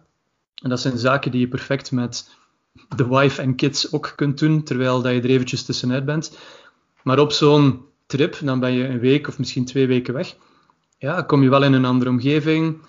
Kom je misschien, weet ik veel, een aantal rotsen tegen, een, een aantal kasteeltjes tegen, een aantal meren tegen, waar dat je ineens weer leuke dingen mee kan doen. Dus het gaat vooral over het, het zien van mogelijkheden, eerder dan denken van oei, ik zit niet in Indonesië, dus ik kan geen mooie foto's trekken. Nee, dat, dat is het helemaal niet. Ja, oké. Dat, uh, ja, dat ja, neigt natuurlijk nog meer naar uh, inderdaad uh, die masterclass toch aan te gaan. Ja. Um, die, u sprak ook in het begin dat u vooral ook ja, naar het, het reisaspect en zo gaat gaan. Mm -hmm. Maar ik had ook vernomen dat u ook al een stapje verder ging en dat u eigenlijk ook specifiek drone trips organiseert of zou willen organiseren. Kan u daar iets meer over zeggen? Ja, dus het, het laatste nieuwe in mijn uh, lijst van ideeën, laten we zeggen, is eigenlijk de drone fototrip. En dus dat maakt. Um, de eerste is net gepasseerd, die hebben we in mei gedaan. Dus ik heb verteld over die ene foto in de Azoren. We zijn daar toen geweest in november. Uh, hebben we daar twee weken ja, een beetje alles ontdekt. En ik vond dat zodanig mooi daar, dat ik spontaan het idee had samen met, uh, met mijn vriendin. Dit is een, een super locatie om eigenlijk andere mensen mee naartoe te nemen. En die, die die leuke spots te laten ontdekken. En die eigenlijk ook op dat moment live te leren van hoe neem ik die leuke foto. Uh, een aantal workshops te gaan doen en eigenlijk gewoon een, ja, een crazy adventure week te gaan organiseren. Maar echt gefocust op, op drone, dronefotografie. En dus dat was eigenlijk een beetje de, ja, het idee, het concept dat zo geboren was. En dus in, in januari ben ik een beetje beginnen polsen op mijn Instagram van oké, uh, zijn er mensen die daar interesse in hebben of niet? En uiteindelijk uh, heb ik vijf mensen meegenomen naar de Azoren nu in mei, de eerste week van, uh, of nee, de tweede week van mei. Hebben we twee eilanden gedaan, zijn we daar een ganse week geweest, hebben we denk ik elke elke ochtend de, de zonsopgang hebben we gedaan, de zonsondergang gedaan, tussendoor activiteiten gedaan. We zaten samen in één grote leuke villa. Um, veel workshops gedaan, veel kunnen uitleggen ook van hoe dingen in elkaar zitten, tussen elkaar ook keihard kunnen gaan sharen en zo. Dus was echt een super week, fantastisch. En het, het leuke is ook dat nu de, de droners die, die mee waren, ehm, ook beginnen posten over dus de, de trip. Dus ze hebben hun editing achter de rug en zijn nu vol een bak aan het posten. En je ziet dat die foto's allee, echt wel leuk zijn. Die worden ook opgepikt door accounts die, die featuren over de Azoren bijvoorbeeld. Die krijgen heel leuke reacties daarop. Dus het is, ja, het is echt een beetje een avontuur um, dat wat spontaan is gegroeid, maar wel, wel een heel leuk concept is gebleken. En dus nu ja, wil ik daar zeker verder mee, mee doorgaan. Uh, ik denk dat ik volgend jaar diezelfde periode, want dat is de periode dat de walvissen daar zitten, daarom heb ik die gekozen. Um, en we, zijn ook, we hebben ook veel walvissen gezien en we hebben die ook allemaal kunnen dronen, dus dat was echt allez, uniek. Maar dus volgend jaar zou ik die opnieuw willen doen in die periode. En dan nu ben ik aan het kijken, nu zit ik op La Réunion. Misschien is het wel um, mogelijk om hier een tweede drone trip te organiseren. Het enige wat ik moet zien is, uh, ik moet zelf de voorbereiding natuurlijk kunnen doen. Dus dat betekent dat ik ja, hier ter plaatse de, de spots eigenlijk ga, ontdekken. Een beetje een selectie maak van wat zijn, ja, wat zijn de, must-haves en wat is nice to have. En dan op die manier eigenlijk een week samenstel die, ja, die echt, uh, zoals ik het toen heb aangeprezen, een, die adventure of a lifetime is. En um, op die manier ga ik dus een week samenstellen. Hopelijk lukt dat hier ook. En kan ik een, uh, een tweede drone trip aanbieden hier. Eventueel een derde drone trip in het, uh, in het najaar en zo verder. Ik heb al veel aanvragen gekregen ook voor mensen om, van mensen om naar IJsland te gaan. IJsland is ook zo'n ja, een locatie die, die mensen doet te dromen. IJsland is natuurlijk ook wel heel duur, dus daar moet ik ook een beetje mee opletten. Maar mijn bedoeling is om daar zeker verder mee te gaan, andere drone trips te gaan organiseren, maar telkens op locaties die zich daar enorm toe lenen voor dronefotografie en telkens van een kleine groep, om dus eigenlijk iedereen individueel, maar ook in groep te kunnen gaan coachen, de leuke spots te kunnen gaan tonen en, um, en, en een beetje weg te blijven van heel commerciële spots. Dus laten we zeggen, ik ga niet in één keer een trip in het midden van Italië gaan aanbieden, want daar zijn al duizenden dronefoto's van genomen. Nee, ik wil naar de Azoren, dat nog minder gekend is. La Réunion, hier zijn weinig dronefoto's. IJsland is iets populairder, maar is ook ja, is gewoon zo, zo crazy dat dat misschien ook wel een optie moet zijn. Maar ik ga op zoek naar locaties die, die redelijk uniek zijn en die echt wel een serieuze meerwaarde hebben ten opzichte van zelf gewoon met een auto een keer ergens naartoe te rijden. En dan is het natuurlijk de, de kwestie van samen met mij het avontuur te kunnen gaan beleven en, en van mij de, de tips en tricks te leren van hoe dat je nu die, ja, die, die zotte foto's neemt en uh, wat je daar precies voor moet doen. En ik denk dat uh, de eerste editie zeer geslaagd was. Heel veel enthousiaste reacties ook achteraf. En dus nu, uh, ja, nu is het op naar de, naar de volgende, zou ik zeggen. Hè?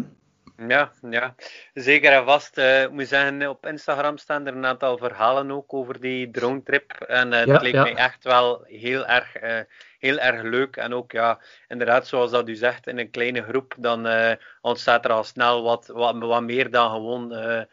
ik ben de reisorganisator en jullie zijn gewoon mee. Hè? Dan is het al oh ja, absoluut. Nee, nee. een kleine familie. En als ik zag, uh, het was eigenlijk ja, een, jonge, een jonge gast eigenlijk, tot mm. een, iets, een iets oudere man ook, als ik me goed heb. Ja. Dat is ook wel uh, leuk om dan ervaringen uit te wisselen. Hè? Ja, ik denk dat de jongste 21 was en dan de oudste 58. Zo ja. maakt dat je toch wel een, een, bepaalde, een bepaald gamma hebt aan, aan leeftijden en ervaringen die, die gedeeld konden worden. Dus dat was wel leuk. En als je die, die stories, die verhaaltjes uh, wilt bekijken, dan ga je op mijn Instagram, een van die bolletjes, van die highlights, als je een beetje doorscrollt naar rechts, dan, uh, dan, dan zie je daar de drone trip. Ik geloof dat er een foto van, uh, van de walvissen op staat ook. Ja. En dan daar kan je even doorklikken om de, om de verhalen te zien. Het is een beetje een impressiebeeld van, van hoe dat het eraan toe ging. Ja. Ja, oké. Okay. Um, en wat uh, wetgeving betreft op die verschillende locaties, maar ik vermoed dat je daar niet echt veel problemen mee hebt, aangezien dat meestal, ja, meestal zijn het eigenlijk plaatsen waar dat er niet echt veel bewoning is. Of heeft u daar al uh, ervaring mee gehad dat u zegt van oei, daar hebben we toch uh, moeten opletten of in het verleden? Nee, in, alleen in het algemeen, ik heb dus nu mijn, de nieuwe wetgeving ook mijn A1, A3 gehaald, daarna mijn A2 gehaald. Dus overal binnen Europa ben ik in principe gecoverd om, om te mogen dronen, behalve op plaatsen waar dat je dan specifiek een toestemming voor moet uh, aanvragen. Ehm, maar vaak zijn mijn foto's of de foto's die ik graag neem, zijn, zijn in de natuur. En dus in de natuur, ja, dan, dan blijf je weg van grote menigten, van bebouwing. Het enige wat je een beetje moet zien, van oké, is er een nationaal park of niet? Want soms mag je niet dronen in een nationaal park. Maar in het algemeen, zeker ook op de Azoren, ja, zaten wij in het midden van de natuur. Zijn we eerst een hike gaan doen van, uh, van een paar uur om ergens bovenop een vulkaan te komen. En dan van daaruit te kunnen beginnen dronen. Dus op dat moment is er absoluut qua wetgeving geen, uh, geen probleem om zoiets te doen. Um, ik heb ook nog maar weinig problemen gehad eigenlijk in, in dat opzicht. Soms, ja, soms moet je een beetje opletten en ik denk vooral aan een aantal momenten op, uh, op onze wereldreis als we in, uh, in Thailand zaten bijvoorbeeld. Um, dat zijn toch landen waar dat je liever niet in de bak vliegt bijvoorbeeld. Dus daar moet je een klein beetje gaan lezen van oké, hoe, hoe zit dat hier in elkaar? Dan ben ik toch ene keer vrij hardhandig aangesproken door een, eh, een security kerel aan, aan een aantal tempels.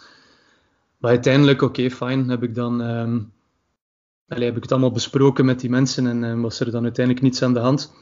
Maar je moet toch wel een beetje voorbereid zijn, want uiteindelijk, allez, die, die zijn vaak heel corrupt. En dus vaak proberen ze gewoon uh, te zeggen dat iets niet mag en dan uh, te hopen dat je hen gaat betalen om er vanaf te geraken. Dus als je dan voorbereid bent en weet hoe dat de wetgeving in elkaar zit, dan heb je al een stapje voor. En vaak eindig je dan toch nog door ze te betalen, ze daar niet van. Maar het is, ja. uh, het is soms, ja, het is zeker in landen waar, dat, waar dat de politie heel corrupt is, moet je een beetje opletten. Maar in het algemeen heb ik nog niet echt um, ja, grote problemen gehad of aanvaringen gehad. Het enige wat ik misschien zou aanraden ook aan mensen die, die foto's nemen waar dat um, andere mensen duidelijk zichtbaar op staan. Als je die wilt gaan publiceren of gaan verkopen, dan heb je wel de toestemming nodig van die mensen, want dan zit je ja, eigenlijk in hun privacy anders. Uh, en dat kan je best meteen doen, want als je die mensen daarna niet meer ziet, ja. is het moeilijk om van hen nog een toestemming te krijgen. Dus dat heb ik soms wel alles voor gehad, dat ik een mooie foto heb en denk van, ah shit, maar hier staan ja, mensen op, ofwel moet je die er dan gaan uitgommen, wat dat soms ook wel kan. Um, die er gaan uitsnijden. Qua compositie kan soms ook. Soms is het ook gewoon handig om, uh, om van hen een toestemming te krijgen en dan, uh, dan is het meteen ook in orde. Ja, ja. waarschijnlijk ook. De mensen, allez, geven dat waar, de meesten geven dan waarschijnlijk ook toestemming en zijn zelfs blij waarschijnlijk dat ze op de foto zullen staan die dan ja, op Instagram verschijnt. Hè. Ja, en vaak is dan de reactie ook van ah, geen probleem, stuur mij die foto dan eens door of tag mij in die foto of zo, ja, dat ik ja, hem ook eens kan zien. En ja, absoluut, zo, zo gebeurt dat wel vaak. Um, als het gaat over echt commerciële foto's, dan heb je altijd het uh, gegeven dat zo'n foto kan gebruikt worden in, weet ik veel, op een of andere website of in een re reclamecampagne. En dat zijn dan weer dingen waar dat mensen ook wel heel specifiek hun uh, toestemming voor moeten geven. Dus dat is niet hetzelfde van mag ik die posten op mijn Instagram. Ja, ja. Dus daar moet je ook wel mee opletten. Oké. Okay. En uh, u zelf komt eigenlijk uh, uit de zakenwereld. Uh, u weet dus waarschijnlijk een bedrijfje, hoe dat je dat best opstart. Wat zijn van u de beste tips die u zou geven aan iemand die kleinschalig iets wil gaan doen met drones zonder daarbij zijn of haar dagjob meteen aan de kant te schuiven? Wat zou hij als mm -hmm. tips geven? Um, ik ben eigenlijk vroeger, dat is, al, dat is al een tijd geleden, ook eens zelfstandig geweest in bijberoep. Um, toen hebben we onze business verkocht, omdat we daar eigenlijk te weinig tijd voor hadden. En dat is een van de grote lessen die ik toch wel geleerd heb daaruit. Is iets doen in bijberoep of zo wat on the side, terwijl dat het toch nog je, je hoofdjob houdt. Dat, dat werkt meestal niet zo goed. Je kunt daar te weinig tijd in steken. En zeker als het dan, laat ons zeggen, een, een klein beetje succesvol begint te worden, dan, dan wil je er meer tijd in steken, maar je hebt geen tijd. En dan dat botst heel hard. Dus mijn, mijn grootste tip zou eigenlijk zijn van als je daar iets mee wil doen en je denkt van oké, ik wil mij daarin lanceren, lanceer je dan gewoon. En, en spring en, en doe het gewoon, dat zal, dat zal wel lukken. Als mensen zeggen van nee, nee, ik wil gewoon, ik wil er niet per se mijn job van maken, maar ik wil gewoon wel wat leuke foto's nemen en misschien daar een klein zakcentje mee verdienen of daar ergens een, een partnership mee, mee kunnen aangaan. Ja, dan is het, het is gewoon een kwestie van doen en durven ook vaak. Bijvoorbeeld met die partnerships. Um, veel mensen denken dat het onmogelijk is om, um, om een partnership te maken als je geen twintigduizenden volgers hebt op Instagram bijvoorbeeld. Maar dat is ook iets dat helemaal niet waar is. Ik ben mijn eerste partnerships beginnen maken toen ik amper duizend volgers had op Instagram. Dus dat, dat is niet het belangrijkste, maar je moet het wel durven. Je moet het voorstel durven lanceren, want ze gaan, ja, je moet die zelf gaan zoeken. Ze gaan niet bij u komen aankloppen van, ja, jij neemt hier leuke foto's, kom je, kom je wat werken voor ons? Nee, jij moet ze gaan zoeken en jij moet het werk gaan zoeken. Jij moet het, ja, de voorbereiding doen. Jij moet de duizenden mails sturen, waarvan dat er misschien een paar succesvol gaan terugkomen dan. En, ehm, en dat is het belangrijkste in, denk ik, elk aspect van wat je noemt de, de zakenwereld of zelfstandig iets opstarten. Niet zitten wachten totdat er iets gebeurt, maar je moet het, ja, je moet het zelf waarmaken. En um, dat is hetzelfde met dronefotografie. Als je opdrachten wil in België of ergens anders, oké, dan ga je dus bedrijven moeten aanspreken in België om die te krijgen. Ze gaan niet, niet zomaar bij u komen aankloppen. Ja, ja, inderdaad. En uh, wat zijn uh, naar uw mening de beste kanalen? U spreekt van Instagram, uh, maar zijn er nog zaken waar dat u uzelf zou profileren of dat u zou mhm. aanraden? Mm Instagram is eigenlijk een, een vitrine. Dat is, een, dat is een leuk kanaal om een beetje uw portfolio in de kijker te zetten, maar dat is niet het beste kanaal om, om jobs mee te scoren bijvoorbeeld. Tenzij dat het gaat over influencer jobs, dat is iets anders. Maar als je zegt, ik wil uh, drone jobs gaan, uh, gaan doen, wat je eigenlijk nodig hebt, is een goede website en een goede media kit. Een media kit is eigenlijk een klein documentje waarbij dat, ja, je belangrijkste realisaties kunt, kunt gaan tonen. Dat je gemakkelijk kan meesturen, een pdfje. Dat je gemakkelijk meestuurt via mail, als je dus die bedrijven aan het contacteren bent. Want je moet het hen eigenlijk zo gemakkelijk mogelijk maken. Als je zegt van, ga eens gaan kijken op mijn Instagram, 9 op de 10 gaat dat al niet doen. Als er een klein documentje in de mail zit, je klikt dat even open, je ziet daar direct vijf leuke foto's, dan denkt ah, die kerel kan precies toch iets. Ik ga toch een keer verder gaan kijken. En dat is super belangrijk. Een heel goede media kit. En dan gewoon een goede website die portfolio toont, die heel duidelijk toont welke services dat je ook aanbiedt. Die zegt wat, dat, wat dat jij dus kunt doen. Wilde jij in die immobiliën gaan fotograferen? Oké, zorg dan dat je je portfolio bouwt rond immobiliën. Zorg dat je daar minstens 10 mooie foto's hebt die tonen wat dat jij kunt. En zet daar dan ook duidelijk bij dat jij dus fotografie doet voor immobiliën. En dat soort zaken. Wilde jij liever, weet ik veel, mooie auto's uh, gaan shooten voor commercials? Oké, zorg dan dat jij twee, drie video's klaar hebt staan op je website die dat tonen, die tonen wat dat je kunt. En dat is iets wat vaak mensen toch nog vergeten, is die, die hebben, weet ik veel, vijf posts op Instagram gemaakt waar dan misschien een auto in te zien is. En dan gaan ze ineens bedrijven contacteren in de automobiele industrie. En dan zeggen die allemaal nee of die antwoorden niet eens, wat dat vaker het geval is. Maar zo werkt het ook niet. Je moet echt iets kunnen tonen dat wauw is, waardoor dat mensen zeggen van oké, okay, die kerel die kan iets. Ik wil daar toch een keer verder gaan kijken of daar misschien een keer een gesprek mee gaan opzetten. En dus eigenlijk uw eigen website en een media kit, een pdf die je kunt meesturen, dat zijn voor mij de twee belangrijkste elementen.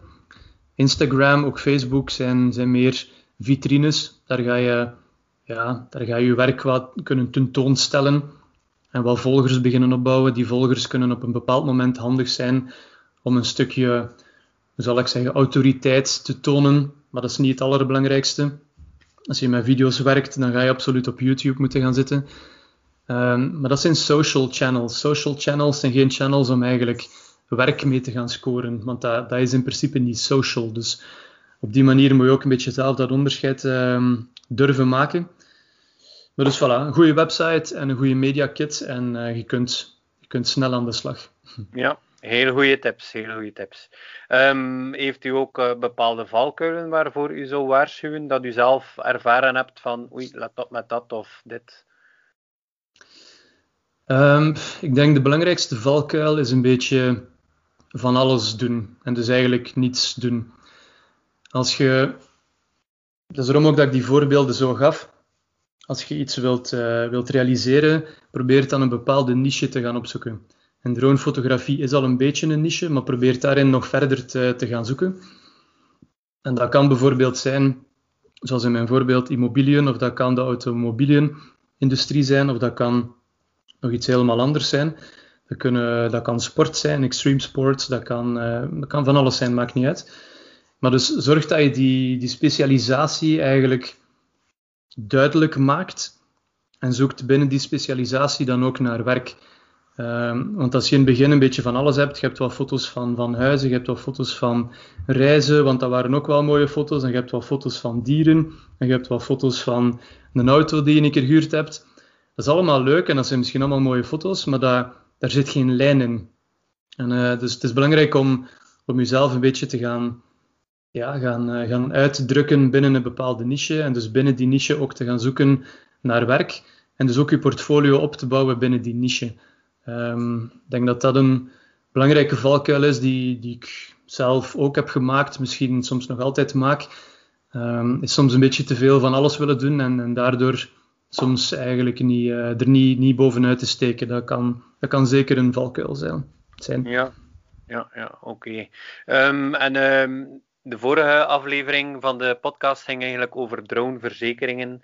Um, heeft u zelf ook een aparte verzekering afgesloten of uh, niet echt, omdat u eigenlijk meer uh, in uh, open A3 vliegt? Of... Nee, ik denk dat die aparte verzekering belangrijk is als je veel commerciële projecten hebt die, die een bepaald risico ook inhouden. Um, ik werk meestal omgekeerd. Ik ga eigenlijk meestal um, zelf op zoek naar, naar een aantal foto's. Die zijn dan ook nog eens vaak in de natuur. En dan probeer ik die achteraf te gaan verkopen. Dus dat is naar mijn inziens um, is het daar minder belangrijk om een aparte verzekering af te sluiten. Ik heb ook contact genomen met, met een paar verzekeraars. En dus vandaag in het huidige model ben je dus ook gecoverd uh, voor je burgerlijke aansprakelijkheid binnen je familiale. Dus heb je daar eigenlijk niets extra nodig. Stel nu dat je het voorbeeld van die, van die auto's volgt en je gaat regelmatig met, weet ik veel, BMW's en Mercedes'en gaan shooten op een commerciële basis dan, dan, oké, dan, dan zou ik zeggen, dan heb je wel een, um, een verzekering best nodig. Ja, ja, inderdaad. En ook ja, als u ja, inderdaad in uh, verstedelijkte gebieden of uh, over mensen of ja, wat dat ja. risico is, is het eigenlijk inderdaad voilà. aan te raden. Hè.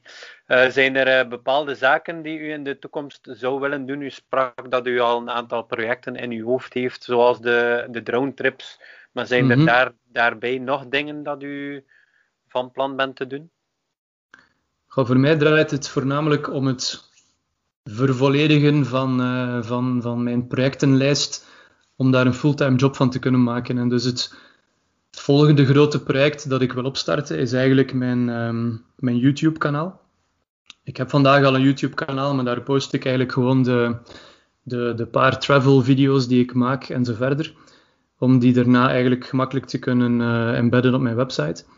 Maar mijn bedoeling is om, wat ik een beetje gedaan heb in mijn masterclass, het educationele, eigenlijk te gaan doortrekken naar, naar YouTube en eigenlijk op YouTube ook een, mijn kanaal uit te bouwen. Het grote voordeel van YouTube ten opzichte van een Instagram is dat YouTube direct uh, monetizable is. Dus uh, je kunt daar direct geld mee gaan verdienen. Terwijl op Instagram heb ik ondertussen bijna 30.000 volgers, maar het is voor mij onmogelijk om rechtstreeks op Instagram geld te gaan verdienen met die volgers. En dat is soms wel een beetje lastig, want je, ja, je moet er uiteindelijk wel veel tijd in steken om die community op te bouwen. Terwijl bij YouTube, als ik educationele video's maak en die worden geapprecieerd, laat ons zeggen, die krijgen wat views en wat likes en zo, dan wordt het op een bepaald moment ook mogelijk om daar een deel van die, uh, die advertentie uh, commissie op te krijgen. En dus mijn bedoeling is om dat op te bouwen dit jaar.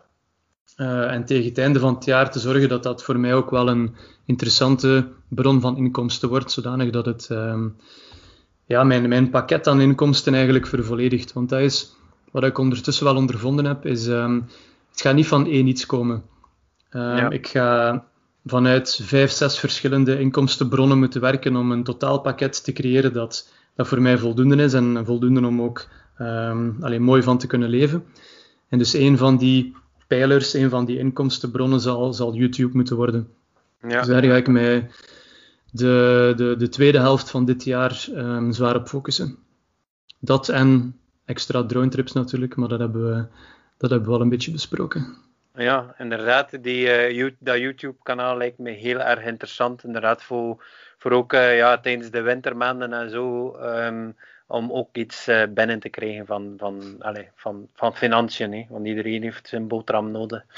Ja, uh, absoluut. Ja, er zijn ook, maar dat zal waarschijnlijk op, op uw Instagram-pagina dan verschijnen. Hè, als dat um, ja, operationeel is. Ja, ja absoluut. Ja, ja, ik, heb een, ik communiceer via mijn, mijn Instagram, via mijn nieuwsbrief ook. Ehm, ja. En dus de mensen die mij volgen zullen, die zullen er niet onderuit kunnen dat ik een YouTube-kanaal heb opgestart. ja, voilà, voilà. Er zijn ook uh, een aantal artikelen reeds geschreven over uw avonturen en over uw masterclass. Kan u daar mhm. meer over zeggen, zelfs internationale artikelen?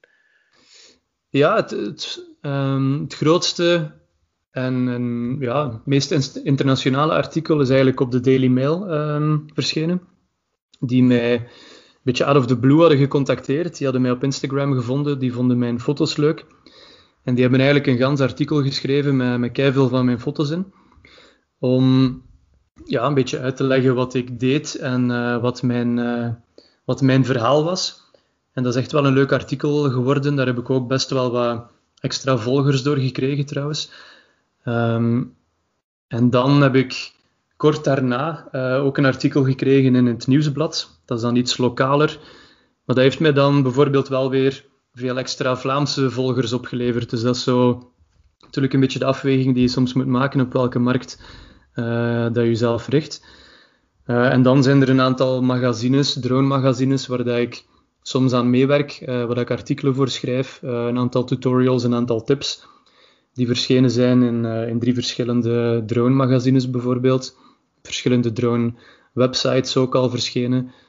Um, toen dat ik die prijs heb gewonnen, zijn er ook best wel wat artikelen verschenen, waar dat ook mijn foto met mijn naam toen bij is vermeld.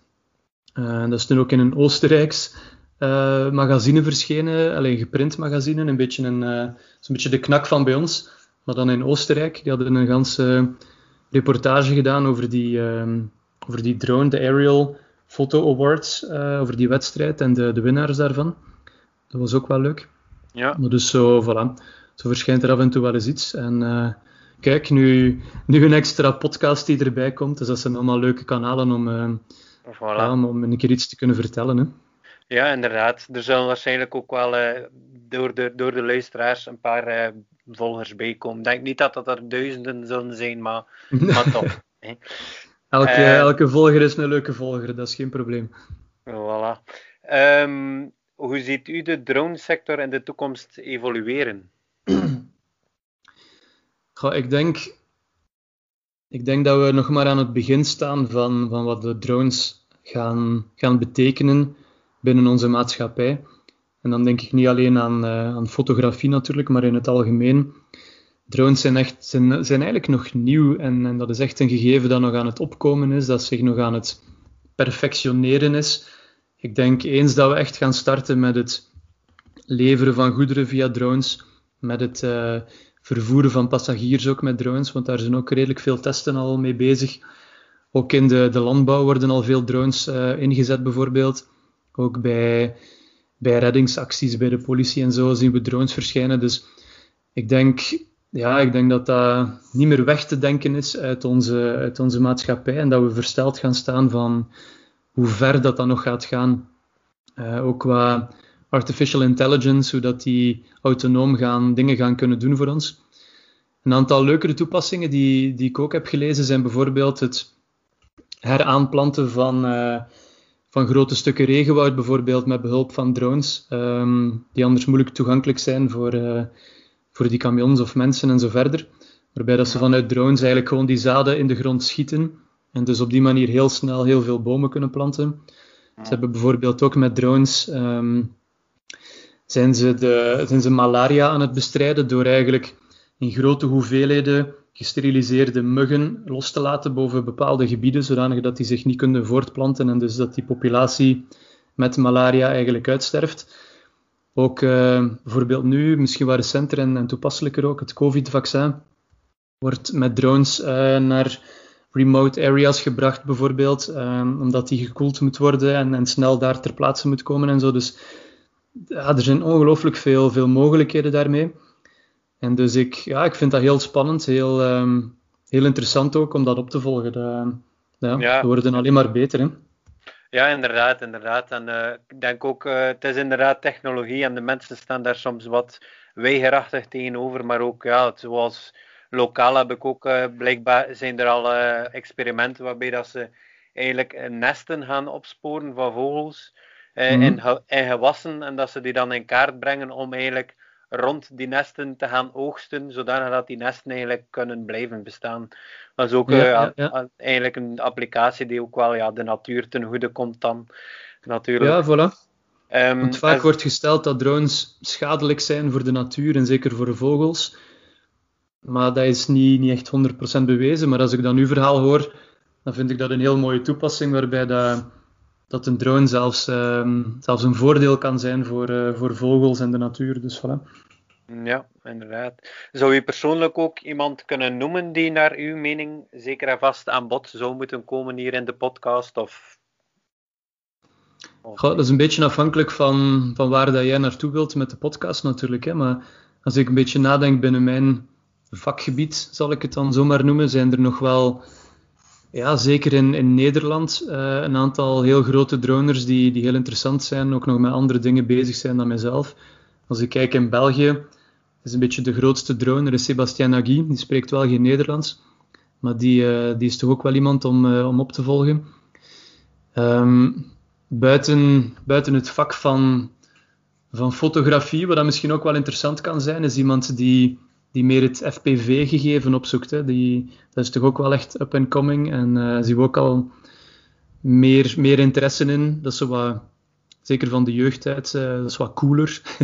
Ja, Dus ehm, ja, een aantal mensen op de drone trip eh, die, die nu in mei mee waren naar de Azoren, die hadden ook een FPV-drone mee. Dus het is toch een gegeven dat, dat volgens mij niet meer, niet meer weggaat. En dus misschien ook wel interessant om eens over te spreken in een, eh, in een volgende podcast voor u. Ja, ze- zeker en vast. Zeker en vast een goede tip. Eh, daar ga ik zeker mee aan de slag. Want eh, in een van de verhalen zag ik ook dat er daar een keer een test tussen jullie al mountainbiken was. Ja, ook, ja. een- ja, dat is ook wel leuk en een heel andere, ja, heel andere manier van, van beeld maken, hè, natuurlijk. Ja, het is een volledig andere beleving. Hè? Ja, ja inderdaad. Ik, ben, ik ben op zich wel een voorstander van, van FPV. Het enige wat ik soms, eh, waar ik het soms een beetje moeilijk mee heb, is als het te wild begint te, te schokken en, en salto's begint te maken en zo verder. Het uiteindelijke doel voor mij blijft nog altijd een, ja, een filmpje maken. Dus een, iets waar mensen naar kunnen kijken, willen kijken. En dus het, die heel bruske bewegingen moeten daar eigenlijk uit. Het voordeel van een FPV-drone voor mij is dat die ehm, sneller is, wendbaarder is en dus eigenlijk kan vliegen, kleiner is vaak ook. En dus kan vliegen op plaatsen waar je met een gewone drone niet komt. Bijvoorbeeld als slalomend tussen die, die mountainbikes, eh, zoals dat filmpje dat je gezien hebt. Maar dus dat kan een perfecte aanvulling zijn op een aantal andere drone shots en een aantal ground shots en zo verder. Maar het, ja, soms wordt het een beetje te veel en dan, Ja, ehm, ja, ja. en dan haak ik wel af. Ja, ja, inderdaad. Ik begreep wat dat je wil zeggen. Ik heb ook al een aantal YouTube-filmpjes gezien waarbij dat eigenlijk ja, die race drones eigenlijk de meest ongelooflijke stunts maken, maar op den duur ja, ja, worden eigenlijk bijna misselijk om door te blijven kijken. Ook al is het ja, echt wel ook wel een kunst natuurlijk, die race Ja, absoluut. Die, ehm, het grote verschil met die FPV-drones is dat die, als je de knopjes loslaat, dan valt die gewoon dood uit de lucht. Dus je, moet, je bent Ja. continu aan het sturen. En dat maakt dat het wel, ja, het is wel een bepaalde skill die je moet leren hoor.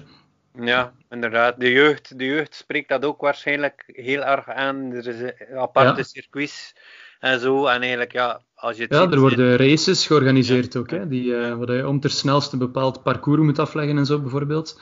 Dat wordt dan weer gelivestreamd en zo. Dus ja, Ja. er zit nog een ganse andere wereld aan te komen daarmee ook. Maar het is, een, eh, het is iets meer adrenaline, wat meer kicken. Maar ik denk ook in het algemeen is het zeker bruikbaar als een, eh, een aanvullende tool op, eh, op bijvoorbeeld een gewone camera en een gewone drone. Om, het, eh, ja, om de shots nog, nog meer wauw te maken. Hè. Dat is uiteindelijk de, de bedoeling toch? Dus ja. Oké, oké. ja, inderdaad. Het is inderdaad een heel andere wereld. En het is zeker en vast ook iets dat ik een keer zal aanpakken. Ja. En hoe, kunnen, hoe kunnen de luisteraars u het best contacteren indien zij interesse hebben in de masterclass? Of waar kunnen ze terecht? We hebben al een aantal dingen gezegd. Maar eh, misschien Ja. nog een keer herhalen waar dat ze het beste terecht kunnen. Het gemakkelijkste, denk ik, is eigenlijk gewoon eens kijken op mijn Instagram. Dat is Johan underscore drone underscore adventures. Johan Drone Adventures. Daar vind je, de, vind je een algemene link waar dat eigenlijk alles in staat. Mijn website, mijn blog, de, de tips, de e-books, de masterclass, mijn YouTube-kanaal. Dus ik denk dat dat het gemakkelijkste is voor de luisteraars.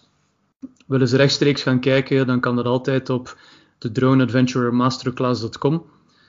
Uh, en dan kom je meteen op de website van de masterclass zelf uit. Oké, dankjewel. Ik denk dat we een heel, heel lang gesprek ik denk dat het ondertussen de langste aflevering zal zijn, maar het was ah ja, echt? Heel, heel erg interessant. Echt waar. Oké, okay, uh, maar dan, dan ben ik blij. Ja, het heeft mij nog meer overtuigd om meer uh, die uh, richting uit te gaan. Gewoon ja, een losse babbel eigenlijk. Ook al was het over de wetgeving ook heel erg interessant, maar mm -hmm. soms soms uh, wat serieus en ernstiger natuurlijk. Ik denk dat, ja, dat is een, een volledig ja, ander onderwerp natuurlijk. Is, ja. dat, is dat. Ik denk dat dergelijke babbels wel aangenaam zijn voor de luisteraars. Uh, ook uh, okay. een, ja, een andere gast van mij, Steven Bogaert, heeft u ook al een keer vermeld op zijn FDR1-pagina. Klopt, ja. Ja, ja dat, is ook wel, dat was ook wel een leuk gesprek en ik denk dat we um, daar meer naartoe zullen gaan. Ja, ik denk de website van Steven is, um, is, is een beetje de, de opkomende drone-website um, in, in Vlaanderen. En op die manier heb ik ook contact opgenomen met hem om eens te kijken uh, of dat we samen iets konden, uh, konden opzetten. En dat hebben we toen ook gedaan. Dus dat is leuk. En zeker, um, ja, zeker interessant om in toog te houden ook. Ja, Oké. Mag ik u dan uh, heel hard bedanken voor het gesprek en ook vooral voor inderdaad voor de de korting die u gegeven hebt. Dat is heel, heel erg hul van u. En uh, een tof idee dat we elkaar op die manier uh, kunnen helpen. Hè. Ja, natuurlijk. En met veel plezier. En aan de luisteraars zou ik zeggen, als jullie met bepaalde vragen zitten, problemen zitten, over mij, over drones, over iets anders, maakt niet uit, stuur mij gerust een berichtje. Ik sta altijd open om, uh, om een kleine babbel aan te gaan en jullie verder te helpen. Dus aarzel zeker niet om mij een berichtje te sturen. Oké, okay. Dit gezegd zijnde um, gaan we afsluiten. En heel erg bedankt. En we horen elkaar wel nog, vermoed ik, in de toekomst. Ja, Pascal, bedankt voor de uitnodiging. Ja, bedankt. En, uh, ik vind het heel leuk om hier uh, met jou eens te kunnen babbelen. Oké, okay, en misschien tot later een keer, uh, als er nog een aantal trips gepasseerd zijn, kunnen we misschien nog een keer een, een, recap doen. Ja, met veel plezier. Zeker weten. Oké, okay. dankjewel. Bedankt. Ciao. Dag. Zo, die zit erop. Ik denk wel dat ik kan stellen dat deze aflevering meer dan geslaagd was. Niet alleen van kwaliteit, de geluidskwaliteit die een stuk beter is, maar ook de inhoud was uh, heel erg goed, vond ik zelf. Vond het een leuke babbel met uh, meneer Van den Hekken. En uh, zeker en vast ook de extra verrassing, namelijk de korting op de Drone Master Class, lijkt me heel erg interessant. Ik zou zeggen, allen daarheen. Uh, mochten er onderwerpen zijn die uh, aan bod moeten komen, laat zeker iets weten op drone.vlaming.gmail.com, zodanig dat ik dat ook mee kan nemen. Alle tabs zijn welkom, ook in verband met, uh, ja, dat mogen opmerkingen zijn, positieve of negatieve. Laat ze allemaal maar komen. En ik zou zeggen, bezoek zeker eens de Instagram pagina van de Drone Adventurer. Het is naar mijn mening meer dan de moeite. En blijf luisteren. Dankjewel.